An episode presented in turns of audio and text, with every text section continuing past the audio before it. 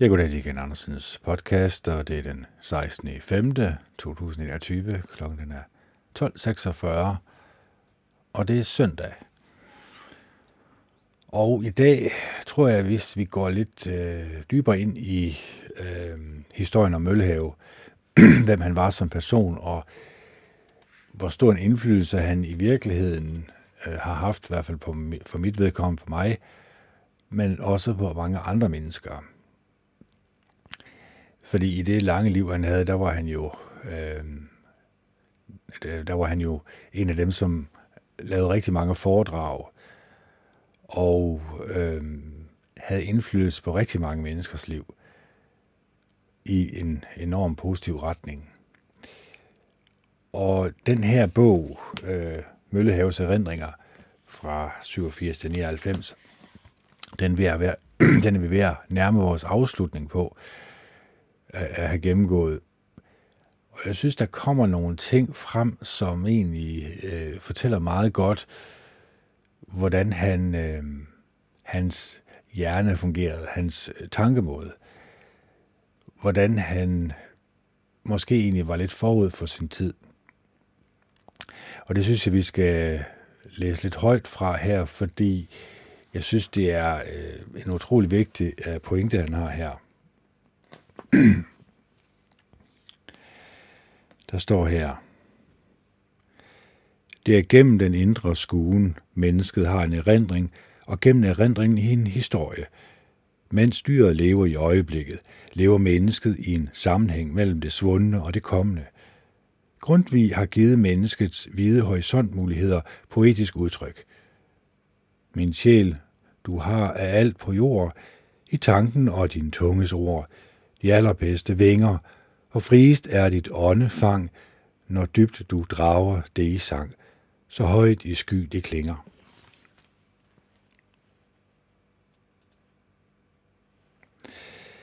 I de få linjer nævnes både højde, vidde og bredde. Også fuglen kan flyve højt og lavt og have kortere eller bredere vingefang. Men mennesket har noget mere end nogen fugl. Tanken og tungen, filosofien og sproget. Vi kan tale om et fremmed land og være fremme, før fuglen kan nå at flyve dertil. Desuden har vi en dimension, som dyret ikke har. Friheden. Og så er der øh, og så er det et smukt nyt begreb at tale om åndefang. Vingefang kender vi fra fuglen, men åndefang, åndefang betyder, at vi kan gribe noget, som fryder os rent åndeligt. Et stykke musik, et digt, et skuespil, en roman, en god samtale. En ældre bondekone, som aldrig før havde hørt Mozart, hørte violinisten Ole Bul og sagde derefter, det var vidunderligt. Det var så skønt, at det gjorde ondt. Kunne man dog bare leve sådan, hvor ville det da ikke være herligt at leve. Musikken sprængte hendes hverdagshorisont og udvidede den i det uendelige. En sådan oplevelse bor ikke kun på Mozarts musik, men på åndefang. Og det er ikke kun et fint kulturelt anlæggende. En sygeplejerske, der sidder hos et døende menneske, skal for uden sin faglige kunde også være udstyret med et vist åndefang. Hvad ligger der bag det sagte og usagte i en grænsesituation? Også pædagogen kan for uden sin faglige kompetence have åndefang. Udover den faglige og saglige ekspertise kræves en sans for situationer og muligheder, en intuitiv fornemmelse for, hvad der sker i et undervisningslokale. Det er en kunst at få os til at blive dem, vi er, at lære os at kende os selv, at føre os til nye og større rum, end vi kendte, at udvide vores åndefang. Når jeg har valgt Bernadotte-skolen som et sted, hvor pædagogik er kunst, er det fordi den skole har givet min ordblinde søn en vigtig ballast. En selvtillid, som andre skoler tog fra ham. En erkendelse af, hvad han i øvrigt havde evner for, og hvad han kunne bygge videre på. Det er en gammel taknemmelighedsgæld. Men i øjeblikket kan jeg se mit barnebarn trives ved at gå på en skole, som allerede i forberedelsesklassen hjælper børnene til at føle sig trygge. Den første skoledag kan være belastende. Bernadotteskolen har en smuk måde at lette det tryk på, Børnene, som skal begynde i forberedelsesklassen, indkaldes før sommerferien. De tager klasselokalet og møder deres kammerater og lærere. I sommerferien modtager alle de nye elever et klassebillede, så de i løbet af ferien kan se de børn og voksne, de skal være sammen med, når skoleåret begynder. Hvert barn i forberedelsesklassen får en ven fra en højere klasse, en femte klasse, som er deres kontaktperson. I mit, barn, I mit barnebarns tilfælde blev det en virkelig ven, en daglig opmundring og tryghed. Hver eneste uge får alle hjem brev. Hvad skal der står her lige to sekunder. Hver eneste uge får alle hjem brev om, den tror jeg lige, der er skrevet lidt forkert, for alle hjem brev om, hvad man har fortalt børnene og arbejdet med. I løbet af første halvår i første klasse kan alle i klassen læse godt. Jeg nævner det, fordi man ofte tror, at hvis pædagogikken er lejende, så er indlæringen langsommere. Halvdan Rasmussen har i en rytmisk rimet fantasileg givet børnenes sans for ordbilleder. Børnene spiller ofte stykker, de selv har skrevet replikkerne og sangene til. Musiklæreren har sørget for melodierne, og sangene har ofte ikke alene enderim, men også bogstavsrim. Mit barnebarn har det kun dårligt, når hun ikke kan komme i skole. Klassen er et sted, hvor man trives og hører hjemme. Der læses gode historier i ugens time, og historierne udvider horisonten og lærer børnene at tænke og argumentere. Når pædagogik er kunst, er der hverken tale om at afmontere barnet for at skabe elever, eller brug for at skabe ro og medlytten. Jeg hørte en radioudsendelse om en skole, hvor 25 procent af lærernes tid gik med at skabe ro. Nogle af de større elever sagde, at de godt vidste, hvordan de gjorde en lærer glad, ved at sidde helt stille og kunne gentage, hvad han eller hun havde sagt. Det virkede på mig som om, der intet var sket siden min egen skoletid. Så her er jo lidt forskel på undervisning. Hvordan man underviser et barn. Hvordan skolestarten den starter. Og jeg tror da nok, vi kan nok desværre alle sammen lægge lidt, nikke lidt genkendende til det sidste her. At lærerne allerhelst vil bare gerne have, at vi gentog det, som vedkommende sagde, Men det er ikke altid den bedste form for undervisning. Sjældent er det faktisk den bedste form for undervisning. Fordi du lærer jo ikke øh, barnet hvorfor. Det er jo egentlig lidt en robot, man egentlig skaber. Eller en computer, kan man sige. Og er det sådan op igennem voksenlivet også? På skolen har vi også lært, at vi skal egentlig bare gentage det, som bliver sagt, uden at stille spørgsmål, og så egentlig bare, hvis det nu er en faglig uddannelse, så har vi jo muligheden for også at se, om det nu også passer det, som blev sagt i skolen eller på skoletavlen. Så kan vi se, at vi kan praktisere det, der bliver sagt på, på tavlen. Så kan vi også se det i den virkelige verden. Men det er jo sjældent, man kan gøre det i en øh, boglig undervisning, der må man jo stole på læreren, på at læreren vil bedst. Og det er jo det, der lidt er problematisk, fordi en lærer er jo også bare et menneske, som også har haft et undervisning, hvor vedkommende også skulle sige ja, ja, ja til den lærer, som nu har lært vedkommende op. Og så det undervisningsmateriale, som læreren får udleveret, skal vedkommende jo gerne holde sig til. Der er heller ikke plads til afvielser. Der er ikke plads, som der var her på den, den skole, der var tale om her, til at man godt kunne lege lidt med reglerne. Man kunne godt forberede eleverne øh, på at mødes, især i første klasse her, øh, eller det man kalder børnehaveklasse i gamle dage. Fordi så var børnene knap så nervøse. Og som der blev talt om her, meget af tiden gik med, med at skabe ro i klassen, fordi eleven var urolig. Og det ja, kan jeg jo nok også godt genkende til. Og jeg var måske også en af dem, som havde også svært ved at være rolig, som jeg tror mange andre også var.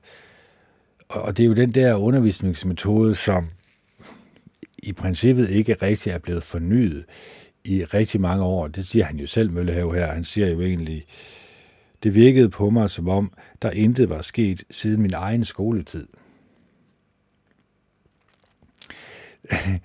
Så det kan man jo også spørge sig selv, Øh, og det har jeg også sagt i min tidligere podcast, vores, øh, jeg kan lige tage det her væk, for det er også til at blive lidt skør i hovedet af. Hvor har vi den hen? Hvor har vi den hen? Om det er nu vi kan bare gøre sådan der, sådan. Fordi det her med, at vi får den her samme undervisning, så får vi det samme resultat jo.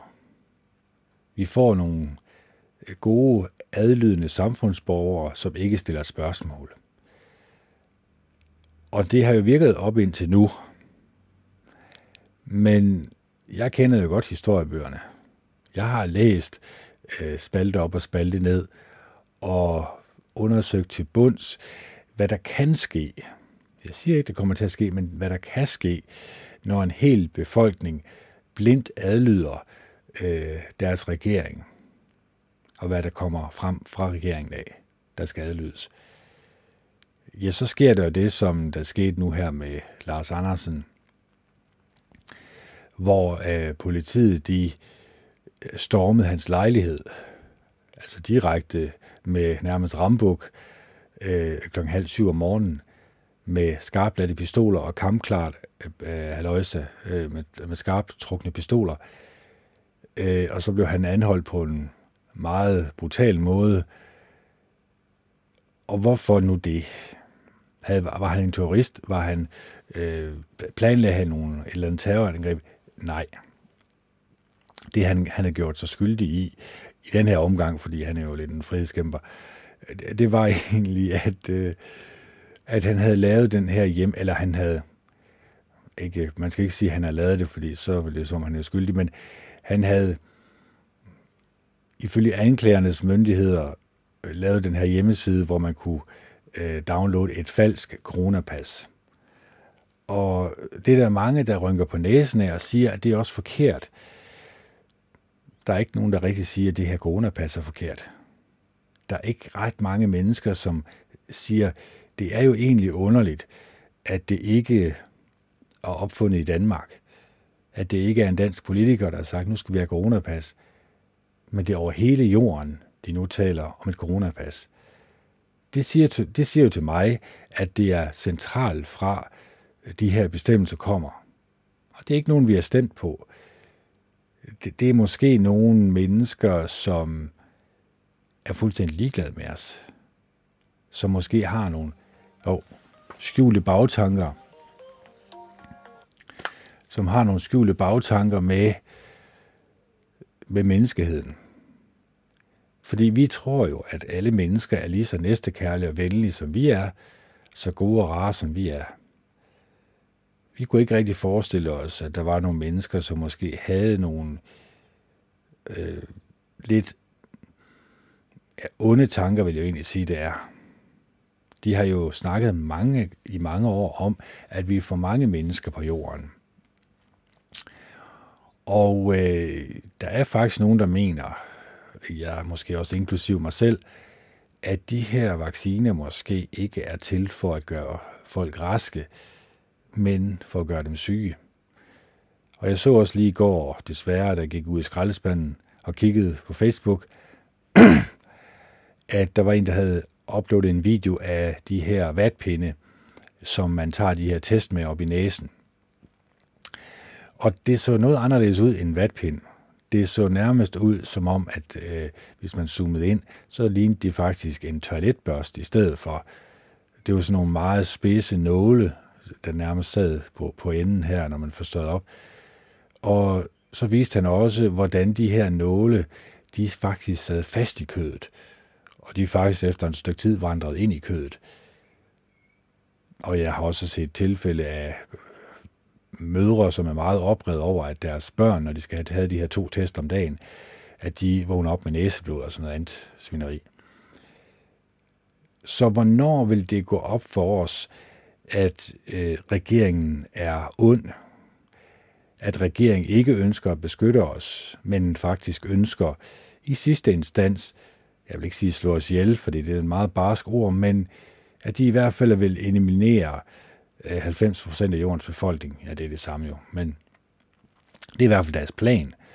Det er det, de har skrevet øh, stolpe op og stolpe ned i de her bøger, som er internt øh, forstået i, øh, for eliten, men som selvfølgelig de fleste mennesker ikke gider at søge efter. Fordi de har jo deres oplysninger. Vi har jo vores oplysninger fra The mainstream media, så hvorfor egentlig stole på, på andre, som siger noget, der kunne virke det modsatte? Selvfølgelig, det er klart. Vi vælger jo at stole på regeringen, for det har vi gjort op igennem tiden. Og vores fortid består jo af adlydelse af staten, sådan set. Skolen er jo statsejet, det er i hvert fald i mit tilfælde.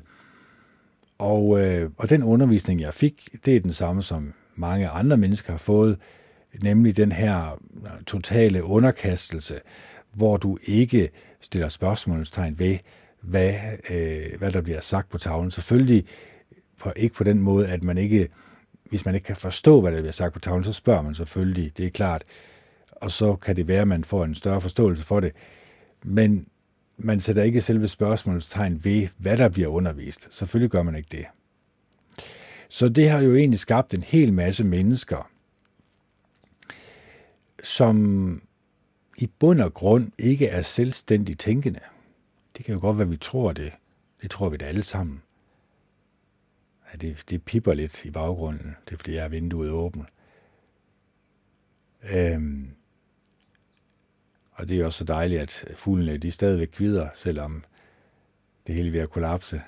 Jeg siger ikke, det er ved at kollapse det hele, men det er bare for at fortælle jer, at de ting, som I tror på, har I undersøgt dem til bunds? Har I virkelig gået ud og stillet kritisk spørgsmålstegn ved det, som jeg har lært? Har I virkelig gået ud og set og undersøgt, om der er noget om snakken? Om der er en elite? Om der er noget, der hedder Bilderberg-gruppen, hvor mennesker af meget, meget høj rang i øh, samfundet, de højeste kan man egentlig sige, mødes sammen med de kongelige en gang om året, et hemmeligt sted, de prøver i hvert fald at gøre det hemmeligt, hvor de diskuterer hvad? Ja, det er jo lige det. Det er jo et hemmeligt møde jo. Der bliver ikke taget referat. Øh, øh, den her generaliserende takt, der, snak, der foregår derinde, det er meget lidt, der kommer ud. Og det er meget lidt, der kommer ud, det kan jeg sige, at det er ikke til menneskehedens bedste. Det er jo kun til elitens bedste. Og op igennem verdenshistorien, der har eliten jo på en eller anden måde manipuleret med befolkningen i en sådan grad, at de kunne få dem til at gøre hvad som helst. Altså, få dem til at elske deres land så meget, at de trækker i et øh, militærtøj og går ud i et andet land og slår en hel masse mennesker ihjel, som så også kæmper for deres land og deres tro. Og så bagefter, når stødet er lagt sig, ja, så kommer øh, øh, eliten jo ind med deres øh, sugerør, og så suger de landets ressourcer ud, uden at betale en krone for det. Det er også det, man ser i Afrika. Det, her, det er også derfor øh, WHO og, øh, og Verdensbanken, kan man sige, har haft en meget stor indflydelse på Afrika. De har forgældet øh, det afrikanske befolkning så meget, at de ikke kan betale selv renterne tilbage igen. Så de er i evig gæld til de mennesker, som faktisk har invaderet dem og kan aldrig nogensinde komme ud af den gæld.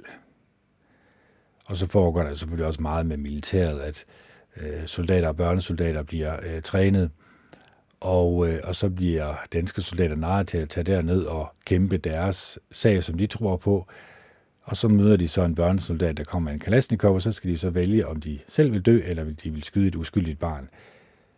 Fordi når jeg siger, at det er et uskyldigt barn, så er det fordi, at vedkommende er blevet tvunget til at tage de her våben op med trusler om, at der måske er sket noget voldsomt med deres familie.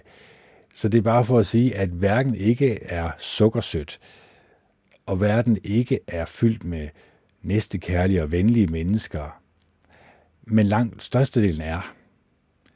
Og det er jo der, det ligger, det er jo egentlig, at størstedelen af alle mennesker, de har en form for næstekærlig tankegang over for deres medmennesker, dybest inde.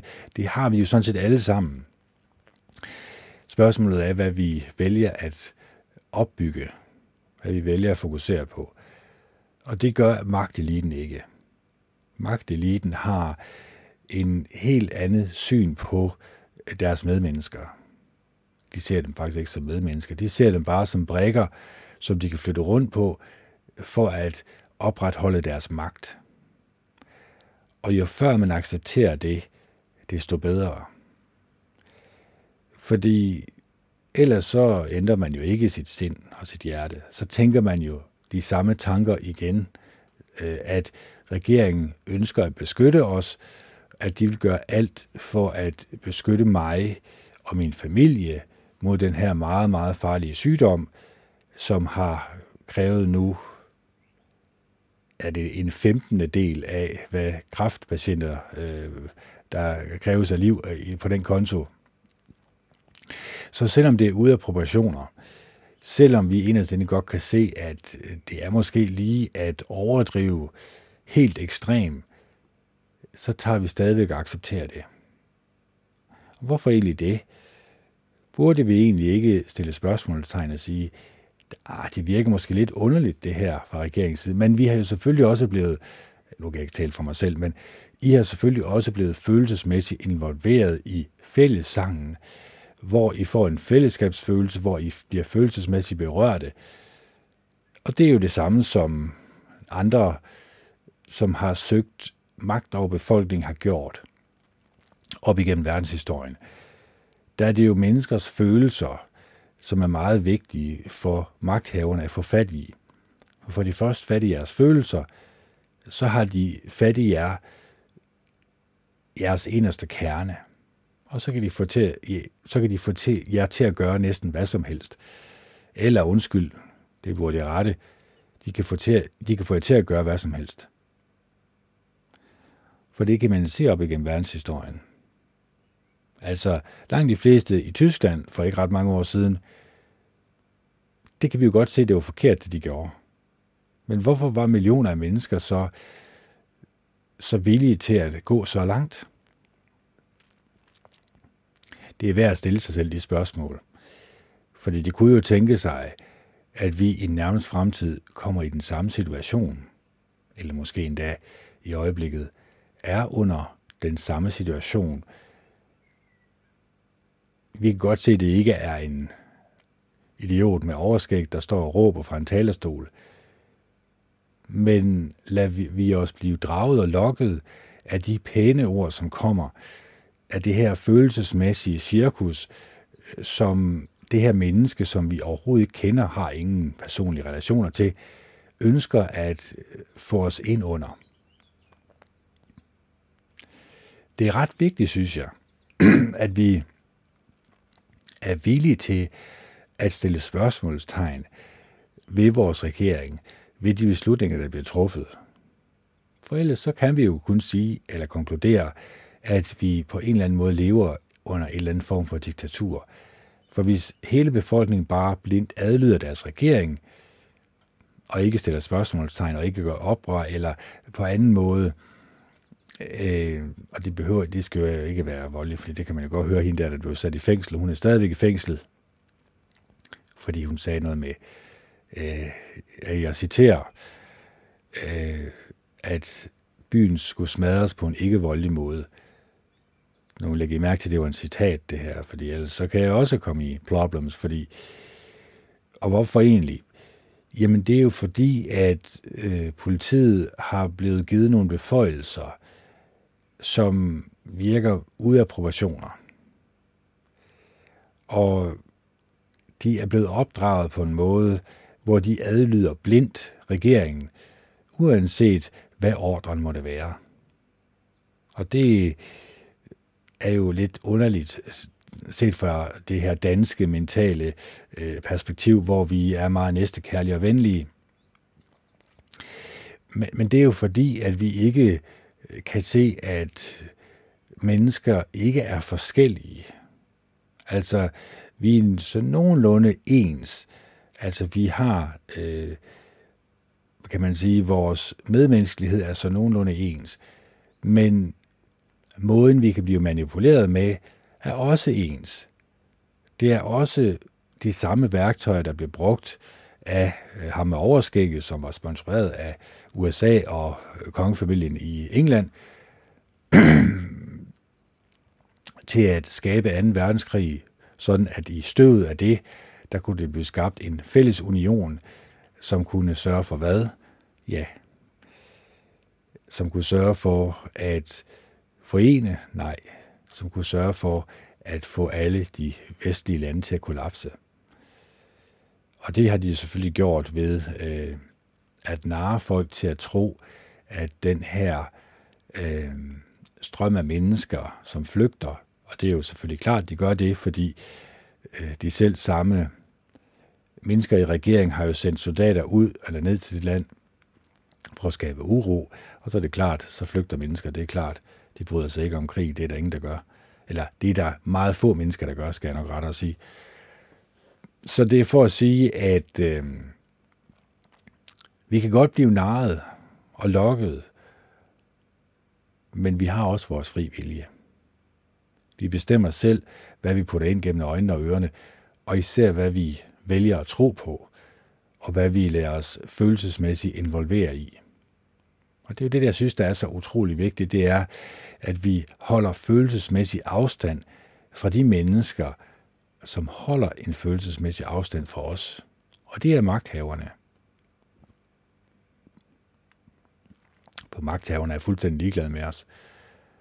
De kunne være så ligeglade, som I nogensinde kunne forestille jer. Så det er måske dig og mig, der tror, at de bekymrer sig om os. Det er egentlig os, som vælger at tro på, at de har et næste kærligt sind. Men nu er det sådan, at hvis vi ikke rigtig har oplevet næstekærlighed og venlighed og ydmyghed og mildhed i absolut form, og det tror jeg ikke rigtig mange mennesker har. Jo, måske fra vores mor, da vi var meget små, og måske har vi også været heldige at opleve det op igennem barndommen og ungdommen, og måske også op i voksenlivet. Men vi er jo blevet sat i et system, som er lavet til at adlyde, som er lavet til at sige ja, mor, uden at stille spørgsmålstegn, og nu siger jeg ja, mor, som om vores mor var regeringen, eller staten, eller hvad vi kan kalde det.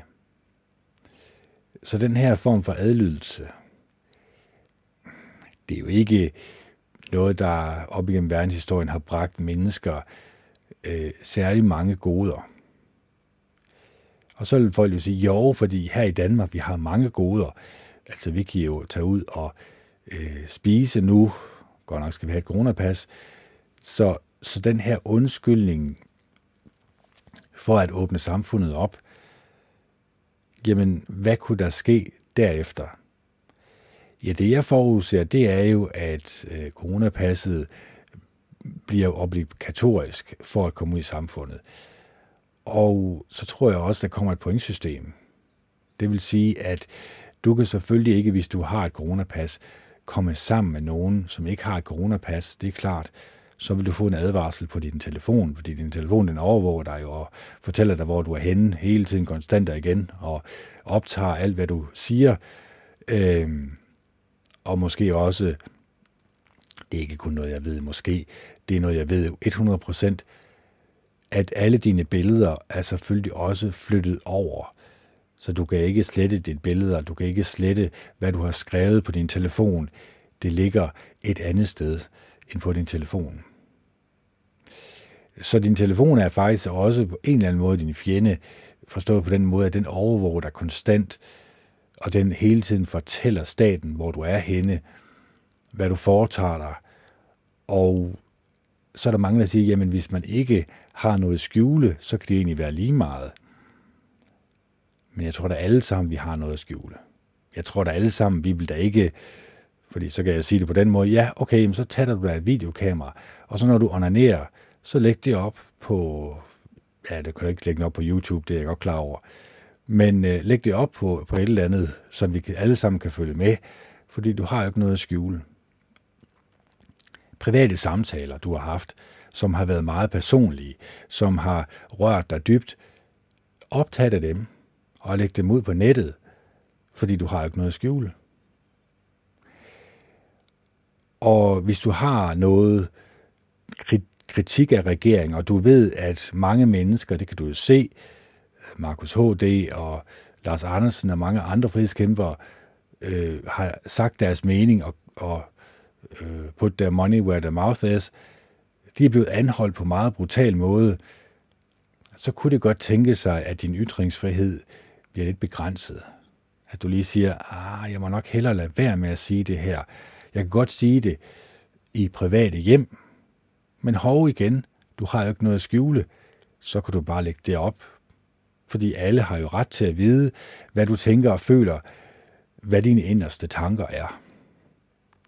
Og det var der jo et stjerneeksempel på over i Rusland, hvor selv øh, de højest rangerende blev overvåget, øh, hvor alle lejligheder havde en mikrofon, og hvor mennesker de forsvandt i løbet af natten, når de havde bare ytret en lille smule kritik af regeringen. Så øh, hvis du kan kritisere regeringen nu, og det er der jo noget, der tyder på, at man ikke kan, så i endnu højere grad i fremtiden, så vil det blive skabt så stor en frygt i befolkningen, at de egentlig, selvom de godt kan se, at deres regering er tyrannisk, og nærmest mere og mere ligner øh, de andre regimer, som har været tyranniske, så er man kommet så meget ind i frygten, at man egentlig accepterer alt. Og det er jo lidt ærgerligt.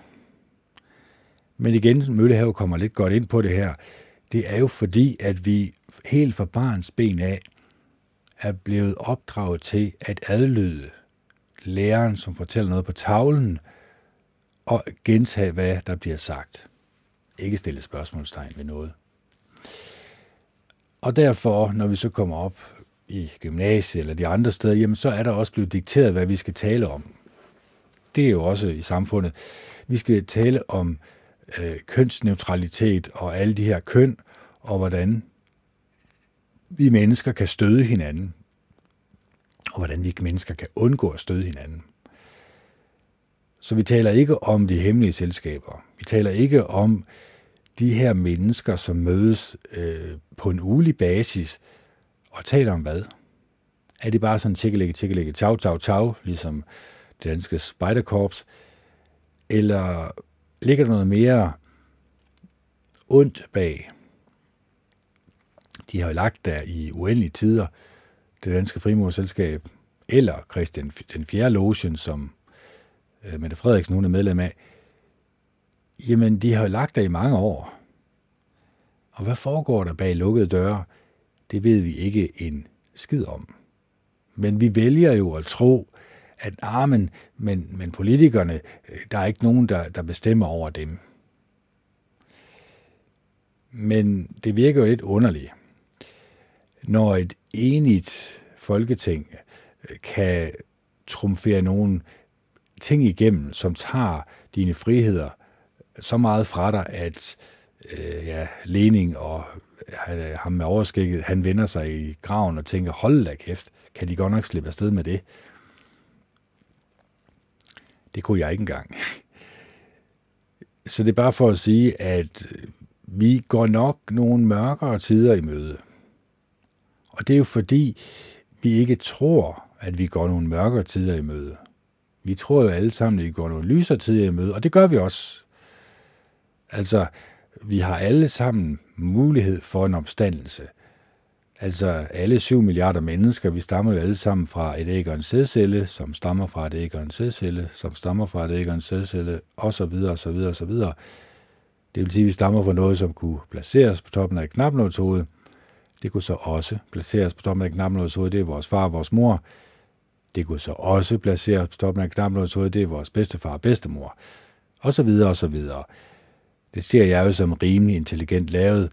Derfor må der være en intelligent skaber bag.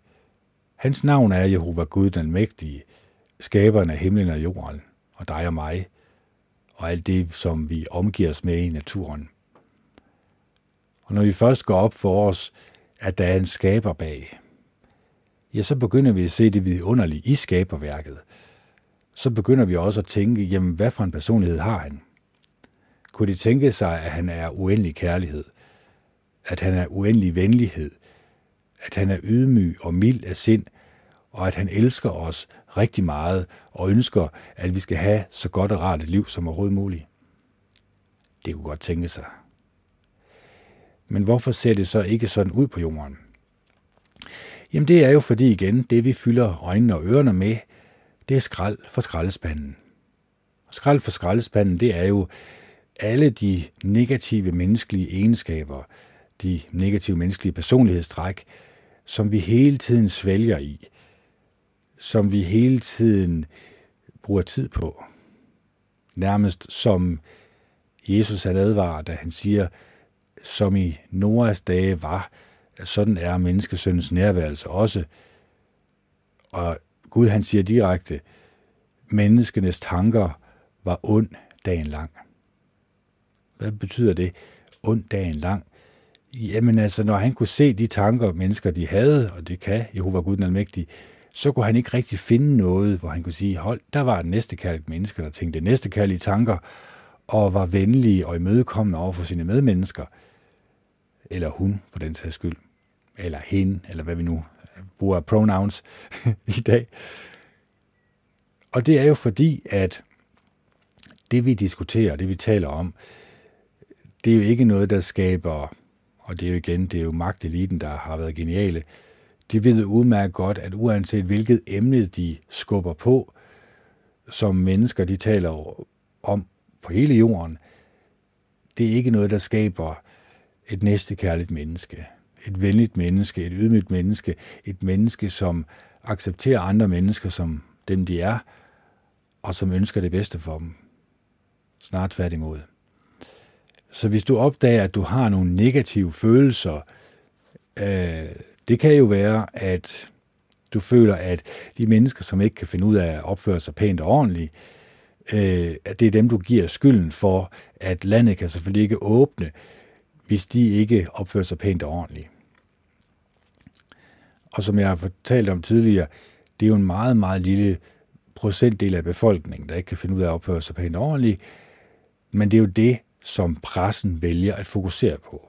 Så de forstørrer det her op til noget helt øh, ekstremt, og så bliver vi nødt til at holde styr på det her Øh, på øh, skattetrykket, var det jeg vil sige, det behøver vi ikke at holde styr på, fordi det er lige kommet frem, at vi har verdens største skattetryk, øh, men det er selvfølgelig smittetryk, jeg snakker om her, at, at så taler de om smittetrykket, så taler de om folk, der ikke kan opføre sig pænt og ordentligt, så putter de nogle negative tanker ind i dit sind og hjerte. Og så sidder du der og tror, at det er dine egne tanker, men i princippet, så har du ladet dig blive nar og lokke af skraldespanden. Og skraldespanden for mit vedkommende består af voldelige computerspil, voldelige film, film som portrætterer menneskers dårlige egenskaber som noget, man kan lade sig underholde med, samt de asociale medier, og det er også inklusiv Facebook, Twitter, Instagram og sms og, og, og Twitter og, hvad kalder man det, FaceTime og alt den skrald, hvor du har en følelsesmæssig afstand til dine medmennesker, samt hele den store presse, som konstant fortæller dig, igennem løgnen selvfølgelig, eller igennem en forstørret form for virkelighed, som jeg lige talte om, så fortæller de dig, hvad du skal frygte. Så fortæller de dig, øh, hvad du skal diskutere og tale om og så du kan dele det op i os og dem. Så de kommer ind også med løsningen på dine problemer. Men er det nu løsningen på vores problemer? Er det nu løsningen på, at vi føler os ensomme og forladte, og vi føler, at samfundet på en eller anden måde har skubbet os væk. At øh, samfundet er blevet mere snæversynet og trist at leve i. Ja, det er jo det, de gerne vil have, at vi skal være. Fordi en befolkning, som lever i frygt, er en meget nem befolkning at manipulere med. Men det har jeg sagt nej tak til. Det har jeg gjort en aktiv indsats for at sige nej tak til, og det er derfor, jeg siger det højt her i de første 40 minutter. Det er jo for at ligesom afsløre og sige til jer, stille nu selv spørgsmålstegn. Spørg jer selv, om det nu er en kæmpe stor løgnhistorie, det her, og hvad resultatet muligvis er for regeringen. Om det er mindre magt og mere magt til befolkningen, eller om det er omvendt. Om det er at tage mere magt fra befolkningen og beholde magten for sig selv. Fordi så ender det et ikke særlig rart sted. Og så kan I sove på den kage. Nej, altså, det er for at sige, at det er ikke lutter lavkage, det er ikke en dans på roser, det er ikke, det er ikke for sjov at lave den her podcast. Og jeg skal nok, nu laver jeg den her to timer, jeg skal nok komme ind på det her med at være et næste kærligt menneske. Hvordan vi kan forme vores sind og hjerte, sådan at vi gør Jehova Gud, den almægtiges personlighed til vores personlighed, eller i hvert fald en lille del af det, hvordan vi beder til Jehova Gud i Jesu Kristi navn, så vi også accepterer og siger ja tak til det enorme offer, som han bragte, og så vi også tager ved lære af, hvad Jesus han sagde. Vi kan jo bare selv gå i gang med at læse den barmhjertige samaritaner, og så kan vi spørge os selv, om vi kan se os selv i den situation, og kan vi så være som den barmhjertige samaritaner. Og i overført betydning, selvom vi ikke møder en person, som er faldt blandt røvere, og som vi kan vise inderlig medfølelse for, kan vi så også vise inderlig medfølelse for vores mennesker i hverdagen, som måske ikke øh, er kommet ud i sådan en svær situation. Så, så det er jo ting, vi kan spørge os selv om. Jeg tror, vi har lige tæt nok på med mikrofonen her. Sådan der. Det er jo ting, vi kan spørge os selv om. For når vi gør det, så viser vi igen, når jo, hvor Gud han læser tanker, at her er i hvert fald et menneske, som prøver at holde styr på sine tanker,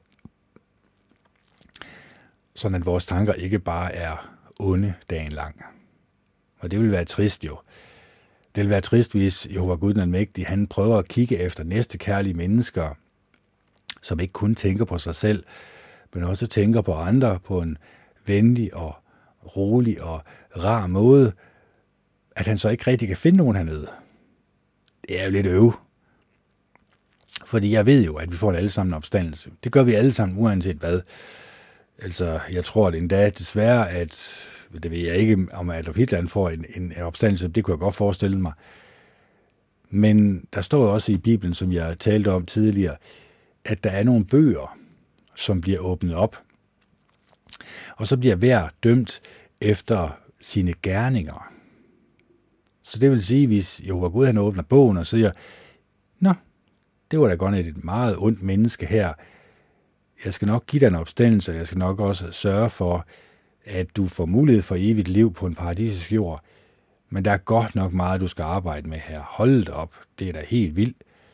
Det er jo hele din tankegang og tankemønstre, hele din personlighed, du skal ændre her, for at du kan blive betragtet som værdig til at komme ind og opleve et evigt liv på en paradisisk jord. Eller det kan være, at han kan læse, hold da op, du har godt nok været en meget næstekærlig og venligt menneske. Du har godt nok behandlet andre mennesker godt og rart. Du har, så vidt muligt i hvert fald, sørget for at få styr på dine tanker, sådan at det kun har været næstekærlige og venlige tanker, du har tænkt om andre mennesker. Der skal ikke rigtig arbejdes med dig, kendt. Du kan gå ind, og så kan du få øh, det næste kærlige og, og venlige øh, liv med det samme. Du kan få det evige liv med det samme. Det er egentlig det, der er sat i udsigt til os alle sammen. Og selvom jeg ikke er Jehovas vidner længere, fordi hvis man går ind og kigger på jw.org, så er det ikke meget næstekærlighed og venlighed, du egentlig får at vide. Det burde jo egentlig være hovedtemaet, men det er det ikke rigtigt. Det er at samle penge ind, det er, at give os en dårlig samvittighed, og så er det at forkynde for andre mennesker, at de også kan komme ind og tjene Jehova Gud, så de også kan få en dårlig samvittighed. Så, øh, så jeg kan ikke rigtig se, at, Gud, han, at det er Gud og Guds organisation. Derfor må jeg jo selv konkludere, at jeg bliver nødt til at tjene ham på den måde, jeg mener, han skal tjenes på. Og det er med mine tanker, med min personlighed. Og så den her mulighed, det jeg nu har for at tale til mange mennesker og give udtryk for, hvad jeg mener. Fordi Jehova Gud, han elsker os alle sammen. Han ønsker selvfølgelig, at vi mennesker, vi kommer bort fra de her onde tanker dagen lang. Og det kræver selvfølgelig, at vi begynder at analysere vores tanker og se efter, er der nogle steder, hvor jeg måske ikke tænker, jeg har nogle onde tanker, men alligevel, når jeg så begynder at tænke lidt dybere over det, så kan jeg godt se det. Men det kræver selvfølgelig, at du siger nej tak til skraldespanden. Du begynder at meditere, og når du begynder at meditere, så begynder du at skrue volumeknappen ned for den her indre stemme, som ikke er særlig rar over for dig, som fortæller dig dårlige ting om dig og andre, når du skruer, skruer knappen ned her, så kan du begynde at skrue knappen op for det mere næstekærlige menneske. For det er der nemlig også indvendigt. Det er et øh, kærligt menneske indvendigt, som fortæller dig, at du er et godt og et rart menneske. Du fortjener din egen og andre menneskers kærlighed og venlighed og ydmyghed og mildhed. Du fortjener at have et roligt og næstekærligt sind. Et sind, som andre mennesker føler sig tiltrukket af. Et hjerte, som er fyldt med kærlighed til sine medmennesker. Så det er det, som skulle være hovedformålet med livet. At søge de positive egenskaber, prøve så vidt muligt at gøre det til en del af sin personlighed, og så gøre alt, hvad man kan for at bekæmpe skraldespanden, og så også bekæmpe andre menneskers muligheder for at påvirke dit sind i en negativ retning. Snip, snap, snude, så den historie ud. Så kan I lære det. Nej, altså, det er bare for at fortælle jer, at det kan godt være, at min podcast ikke er jordens største. Det kan godt være, at det måske ikke hjælper så mange mennesker. Det kan være, at der er 200 mennesker, der lytter til den. Men hvis der bare er en eller to, som godt kan se, at jeg bliver nok nødt til at arbejde på mig selv, eller i hvert fald arbejde på, hvad jeg stopper ind gennem øjnene og ørerne, hvis jeg gerne vil påvirke mig selv i en positiv retning. Det kan jo være, at nu for mit eget vedkommende, det var lidt stressende i starten, at skulle starte på nyt arbejde og på ny uddannelse. Der er gået lidt tid, og så er jeg så ligesom vendet mig til det, og kan jeg så leve i nuet, i stedet for at spekulere i fremtiden, eller på fremtiden? Fordi jo, selvfølgelig kan jeg da godt se, at der bliver nogle besværligheder. Øh, der bliver nogle udfordringer i fremtiden, når jeg så skal i gang med uddannelsen på skolen, det er klart. Men i stedet for at spekulere over ting, som måske ikke opstår, så lad være og så leve i nuet i stedet for. det kan være, at man har planer for fremtiden, men uforrettede planer eller planer, som ikke går i opfyldelse, det kan dræne vores kræfter. Altså, øh, vi, vi ønsker noget i fremtiden, som ikke går i opfyldelse. Så bliver vi ængstlige, så bliver vi ked af det. Det er jo lidt trist. Så hvorfor ikke bare sige til os selv, vi ser, hvad der sker og så lever vi lige nu og her. Og det er jo især meditation, der hjælper os til det. Det her med at bare sidde stille og roligt på en stol, lukke øjnene, trække vejret, og selvfølgelig ikke øh, falde i søvn. Det kan man godt have en tendens til, at man måske er tæt på.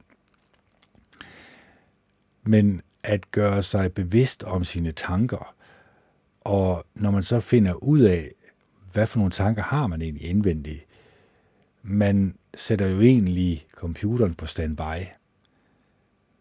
Der var en undersøgelse, der for jeg hørte for, for, fra det i går eller i overgår, hvor et gennemsnit mennesker, de bruger cirka øh, 10 timer om dagen på skærmtid. Og det, ja, det kan jeg egentlig godt se mig, sætte mig ind i, fordi jeg bruger også mange timer på skærmen. Enten på tv eller på, øh, på min mobilers. Og det er ikke særlig sundt, fordi det han sagde, det var, at mennesker lader hele tiden motoren køre. Når der er lige 5-10 minutter, hvor man egentlig sidder og keder sig, og det er det forfærdelige noget, uha, uha, uha. Så i stedet for at kede sig, så tager man telefonen op, fordi så keder man sig jo ikke længere. Men så giver man heller ikke mulighed for motoren, sin hjerne, at ligesom gå i standby-position, ligesom at hvile sig lidt. Og det gør også, at mennesker har svært ved at finde ro i tilværelsen. De har svært ved at kunne se det positive i livet. Fordi de lader det ikke synke ind. De finder ikke ro til det.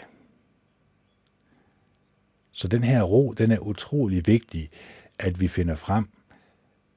Og det er klart, at mange mennesker er urolige fra fremtiden. Hvorfor? Fordi de kigger for meget i skraldespanden. Så mit råd er, lad være med at kigge i skraldespanden. Fordi den vil kun få de negative følelser op i dig, og det er jo lidt trist. Det skal da være de positive følelser, der skal komme op. Det skal da være, at du tænker gode og positive og rare tanker om dig selv og om andre. Og at du går ud i livet med et åbent, åbent sind og hjerte.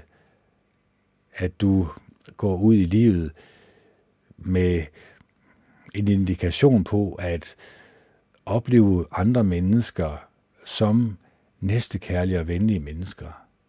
Som mennesker, du kan lære at kende, som du kan have en dyb samtale med, og som når du lærer dem at kende på et dybere plan, finder ud af, at de også ønsker det samme som dig og mig.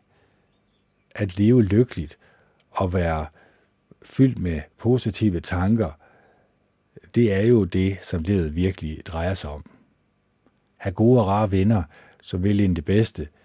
Og hvis man ikke har gode og rare venner, så, så i det mindste have et godt og rart forhold til skaberen Jehova Gud, ved at bede til ham i Jesu navn.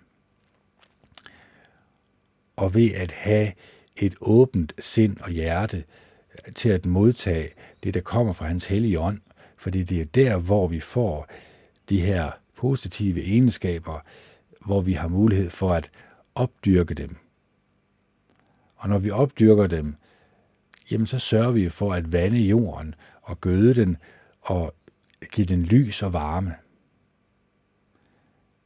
Så gør vi det, giver vi os selv næring det, det rigtige sted fra, fylder vores hjerter og sind med positive tanker, og giver vi vores selv sollys.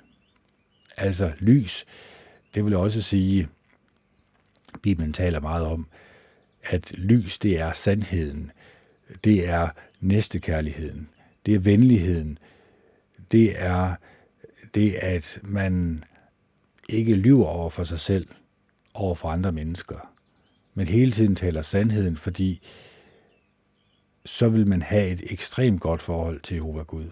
Og jeg vil ikke sige, at jeg er perfekt på den konto. Selvfølgelig er jeg ikke det. Der kan også komme tidspunkter, hvor jeg lyver. Men at jeg er bevidst om det, og at jeg ønsker at ændre adfærd, det tror jeg også, at han kan tilgive.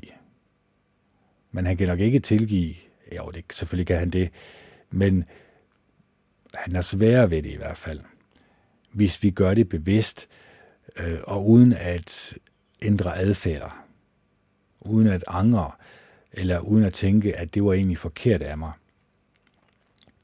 Fordi så er det, at vi begynder en lille smule at forhærde os selv, og så begynder de negative egenskaber egentlig i nemmere grad at kunne komme ind øh, i vores tilværelse.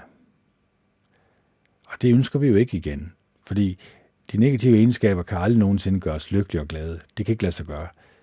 Så derfor bliver vi nødt til at have en barriere, som siger stop, når vi føler, at andre mennesker prøver at manipulere med os, prøve at få en mening frem i os, som egentlig ikke gør os lykkelige og glade, snart tværtimod. Så øh, jeg går selvfølgelig lidt videre her i time nummer to med Møllehave. Jeg kommer måske også lidt med Bibelen, det må vi lige se til. Jeg holder en lille 5 minutters pause, så kommer jeg lige tilbage igen. Jeg skal lige have strukket ryggen, fordi jeg kan godt mærke, at sidde stille her, det...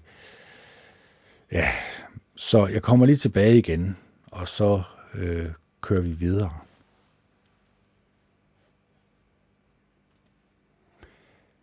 Ja, og så er jeg tilbage igen, og klokken den er blevet 18, og jeg kan selvfølgelig ikke lige huske, hvad klokken den var, da vi, eller da jeg øh, tog pausen her, men øh, det må I selv lige se efter. Og øh, vi kom jo mange ting igennem her, øh, og man kan sige, at den måde, jeg egentlig fortolkede det her med, med Møllehave på, altså igen, man kan man kan egentlig fortolke øh, rigtig mange tekster forskelligt.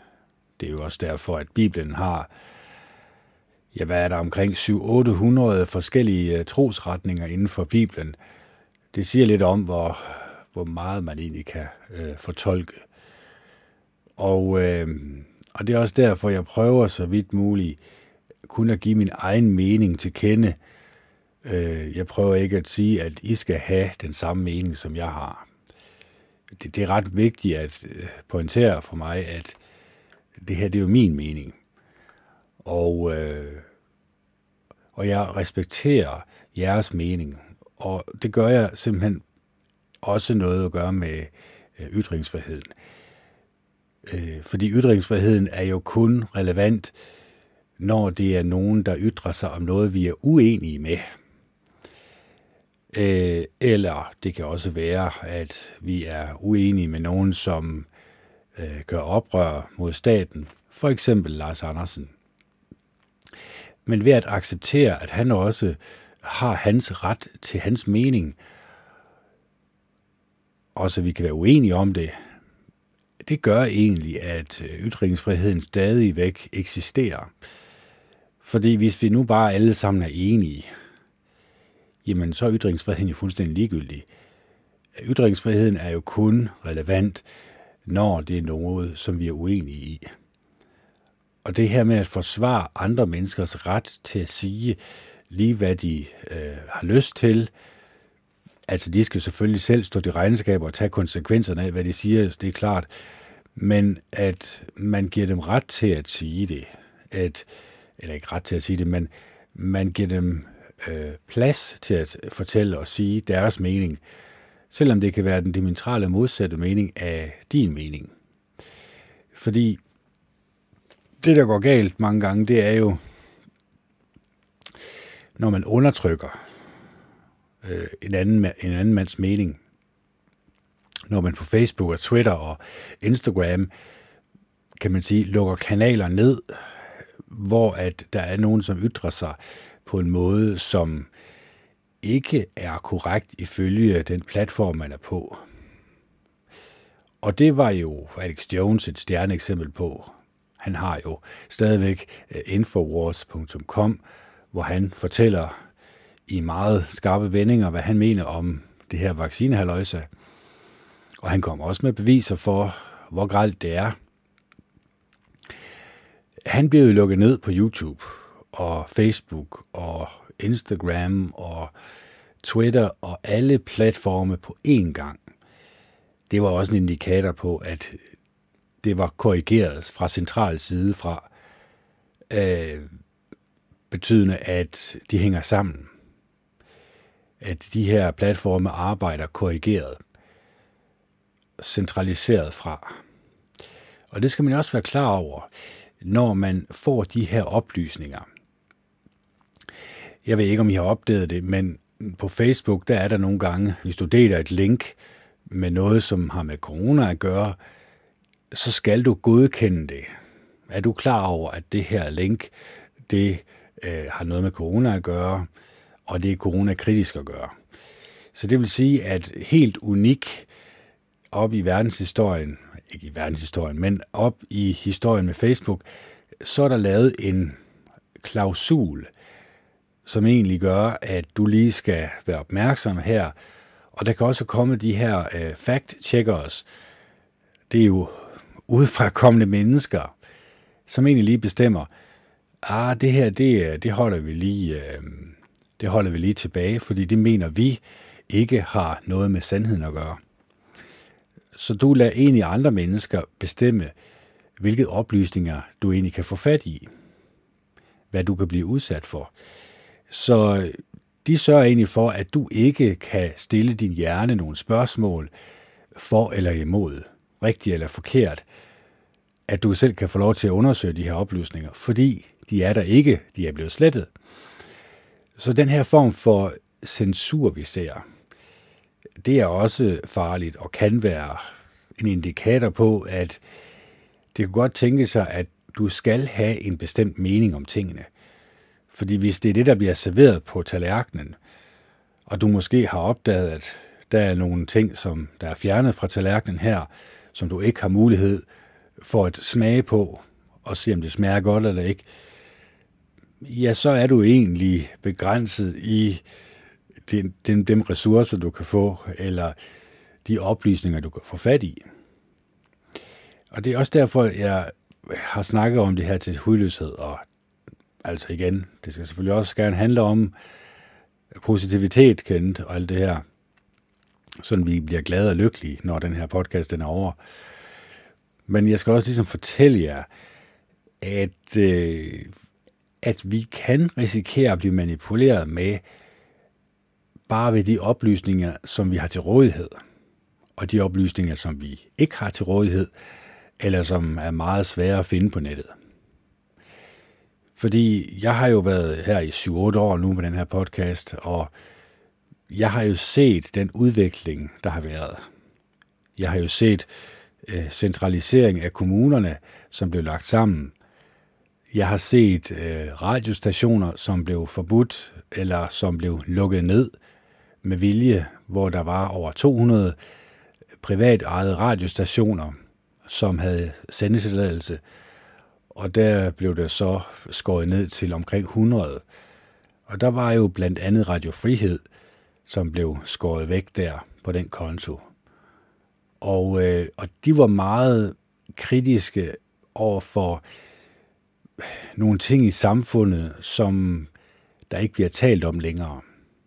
Agenda 21, eller den, der hedder Agenda 2030, bæredygtighed, hvor vi i princippet gerne skulle blive lige så fattige som de fattigste lande i verden på grund af bæredygtighed. Så den her undskyldning med bæredygtighed og øh, at vi skal passe på miljøet, det er egentlig en undskyldning for, at vi egentlig får taget vores ressourcer fra os at vi ikke får lov til at bo i huse i fremtiden, men i små lejligheder, hvor staten bestemmer, hvor meget varme du må have på, hvor meget el du må bruge, hvor det hele det er bestemt fra staten af. Det bliver der heller ikke talt ret meget om. Og held og lykke med at finde oplysninger om det. Altså selvfølgelig stadigvæk på YouTube, hvis I skriver Agenda 21, så vil I nok finde videoer stadigvæk, der, der fortæller om det. Og det er en aftale, næsten alle lande rundt i verden har øh, skrevet under på, som de har som mål. Og det er jo klart, at det her CO2, det er meget, meget vigtigt, at de får det ind som noget værd noget, så noget ulækkert noget, så noget, vi skal have reduceret. Altså det at trække vejret sådan set. Det at bruge energi. Fordi hvis vi lige tænker os om, jamen alt det, som vi ser i øh, disken, altså alle de madvarer, vi konsumerer, alle de ting, som er blevet lavet mange gange i Kina, det som gør tilværelsen på en eller anden måde rar og behagelig, det bliver der brugt CO2 på. Der bliver brugt en masse energi på at lave det. Og det dur jo ikke, hvis vi skal være bæredygtige. Så jeg kan godt høre den her politiske stemme, øh, hvor politikerne de taler for deres syge moster.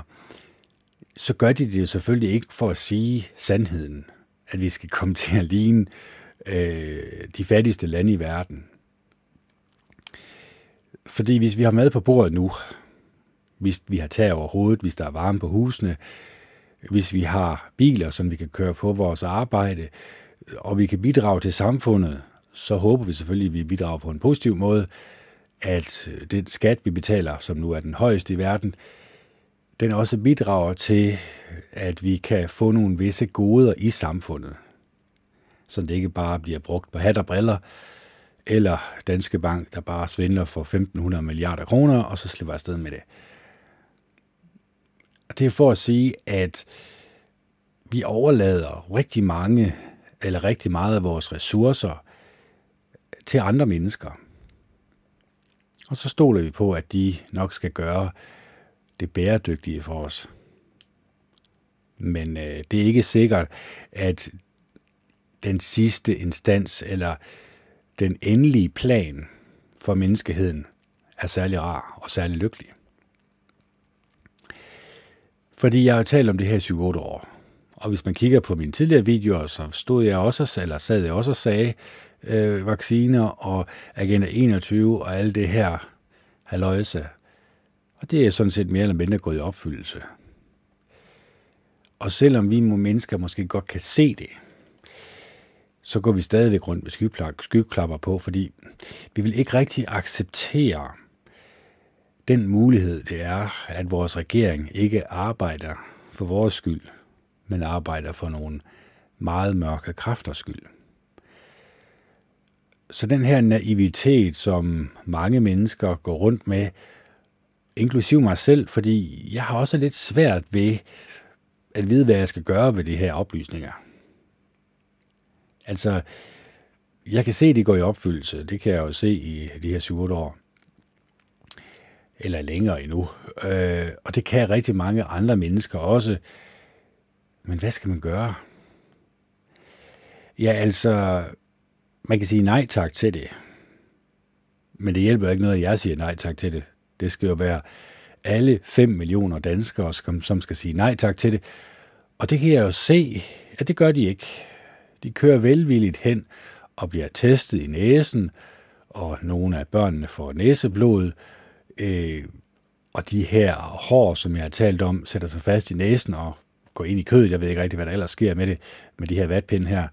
Øh, hvad det er for noget materiale, det er lavet af, det er der ikke rigtig noget. Altså, vi har egentlig bare accepteret, uden at stille spørgsmålstegn, de her tiltag, som stærkt har begrænset vores friheder.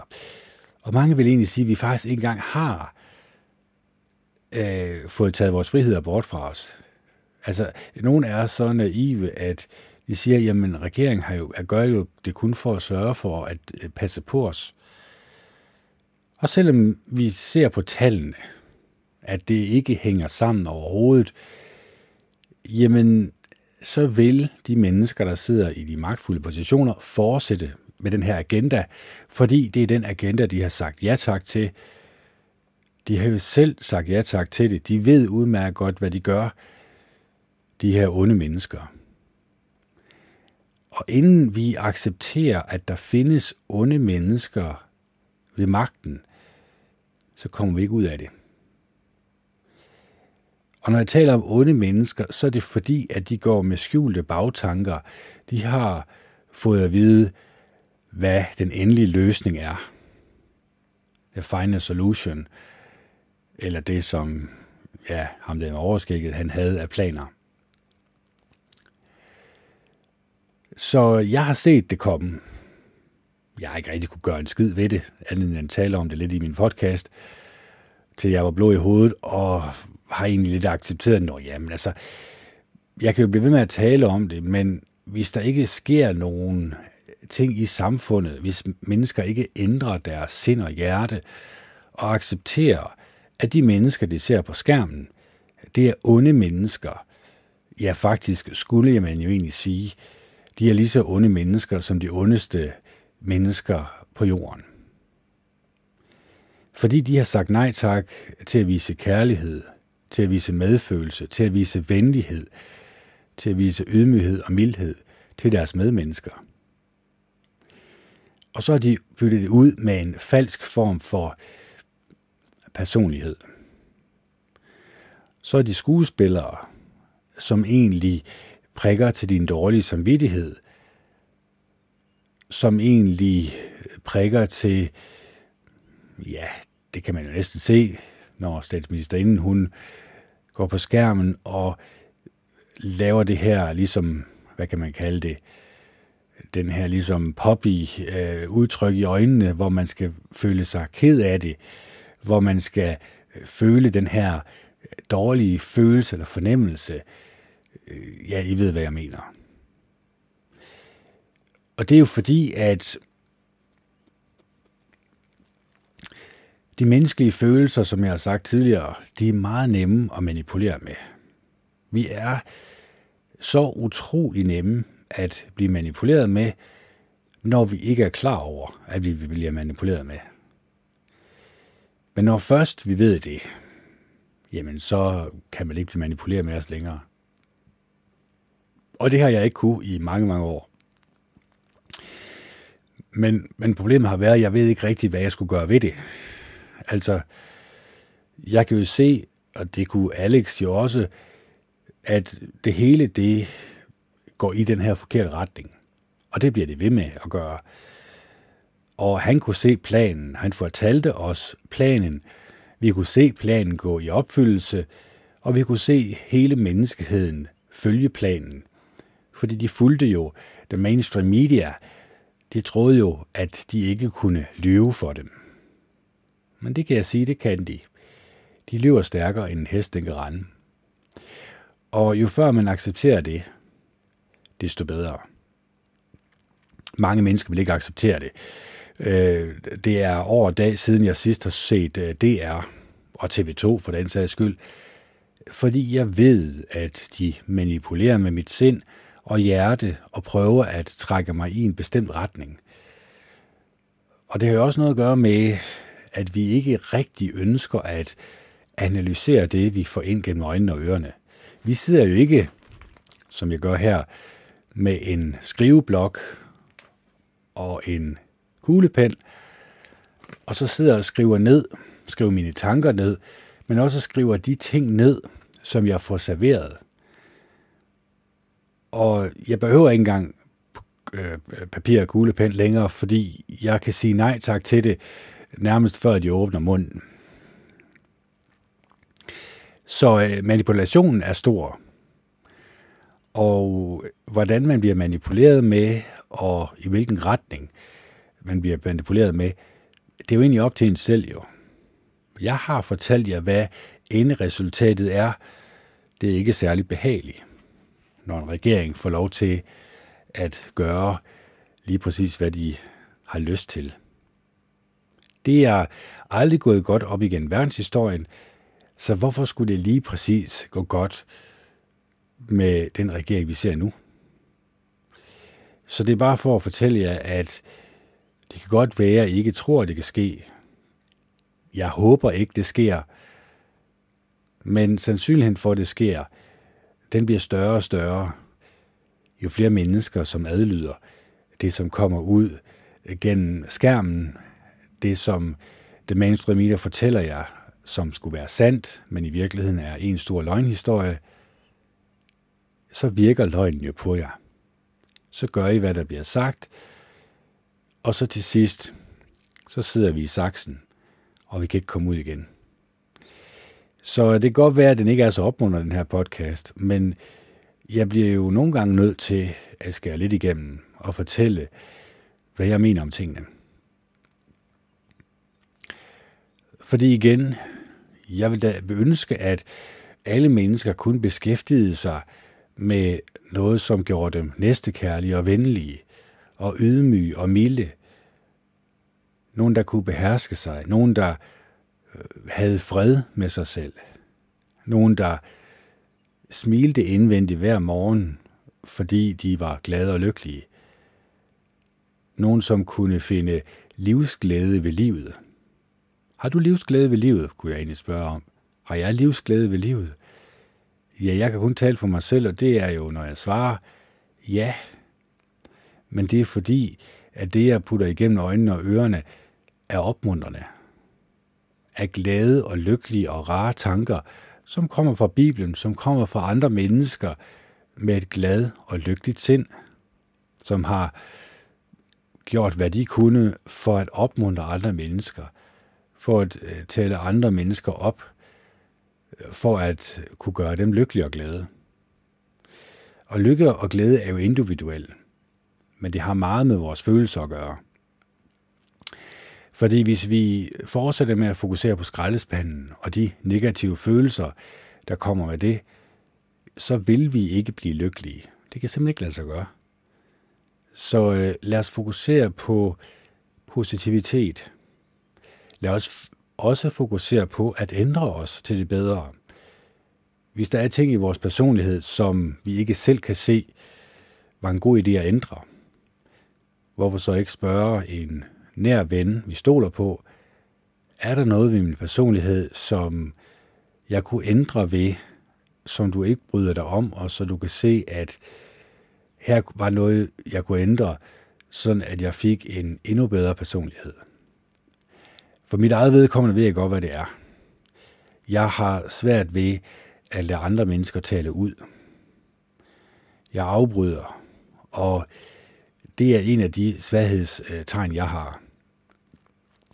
Jeg burde jo egentlig, ligesom de gør på Christiania, have sådan en talestav, eller hvad de nu kalder den, hvor at man afleverer staven til den person, der har lov til at sige noget, og så først derefter, når man så selv har fået staven igen, eller pinden, eller hvad det nu er, så kan man få lov til at sige noget. Fordi så kommer man ikke op og skændes. Så afbryder man ikke hele tiden. Så lader man andre mennesker tale ud. Fordi jeg kan jo egentlig godt se det, for mit eget vedkommende, at når jeg afbryder, så på en eller anden måde viser jeg ikke det her menneske den respekt, som vedkommende fortjener. Fordi at jeg egentlig siger, ja, men det du siger, det er ikke så vigtigt, som det jeg skal til at sige. Og jeg ved det godt, jeg er udmærket godt klar over, og jeg ved ikke rigtig hvorfor, at, at jeg har det på den måde. Det er i hvert fald noget, jeg skal arbejde på. Og det er godt nok ikke altid, det lykkes for mig. Øh, og det er noget, som jeg egentlig godt øh, kan se, at det er i hvert fald en ting, jeg skal arbejde på i min personlighed. Og der er selvfølgelig mange andre ting. Altså, jeg er også udmærket godt klar over, at øh, jeg måske siger tingene lige ud. Jeg, øh, selvom jeg siger mange gange, at jeg skal tænke mig om, inden jeg taler, så er det mange gange, at jeg måske taler over mig. Taler om ting, som måske går for tæt på. Og det er jo det, som den her podcast, den hjælper mig med til, lige netop at tale om ting, som går tæt på. Og øh, så er jeg måske ikke lige klar over, at når jeg så taler med mennesker ansigt til ansigt, så har jeg svært ved at bremse mig selv og tænke mig om, inden jeg taler. Ikke forstået på den måde, at jeg selvfølgelig ikke tænker mig om, inden jeg taler her i den her podcast. Selvfølgelig gør jeg det. Men de her øh, meget dybe emner, som måske går meget tæt på i min podcast, der er jo en tid til at tale og en tid til at tænke sig om. Og det er også derfor, jeg prøver så vidt muligt ikke at tale om de her emner uden for min podcast, fordi jeg ved, at de skaber splid. Altså, jeg kan jo ikke ændre et menneske, øh, fordi jeg får jo bare en sølvpapirshat på med det samme, og så øh, har vi jo egentlig valgt side, kan man sige. Og jeg kan jo godt stille spørgsmål ved ting, som de tror på,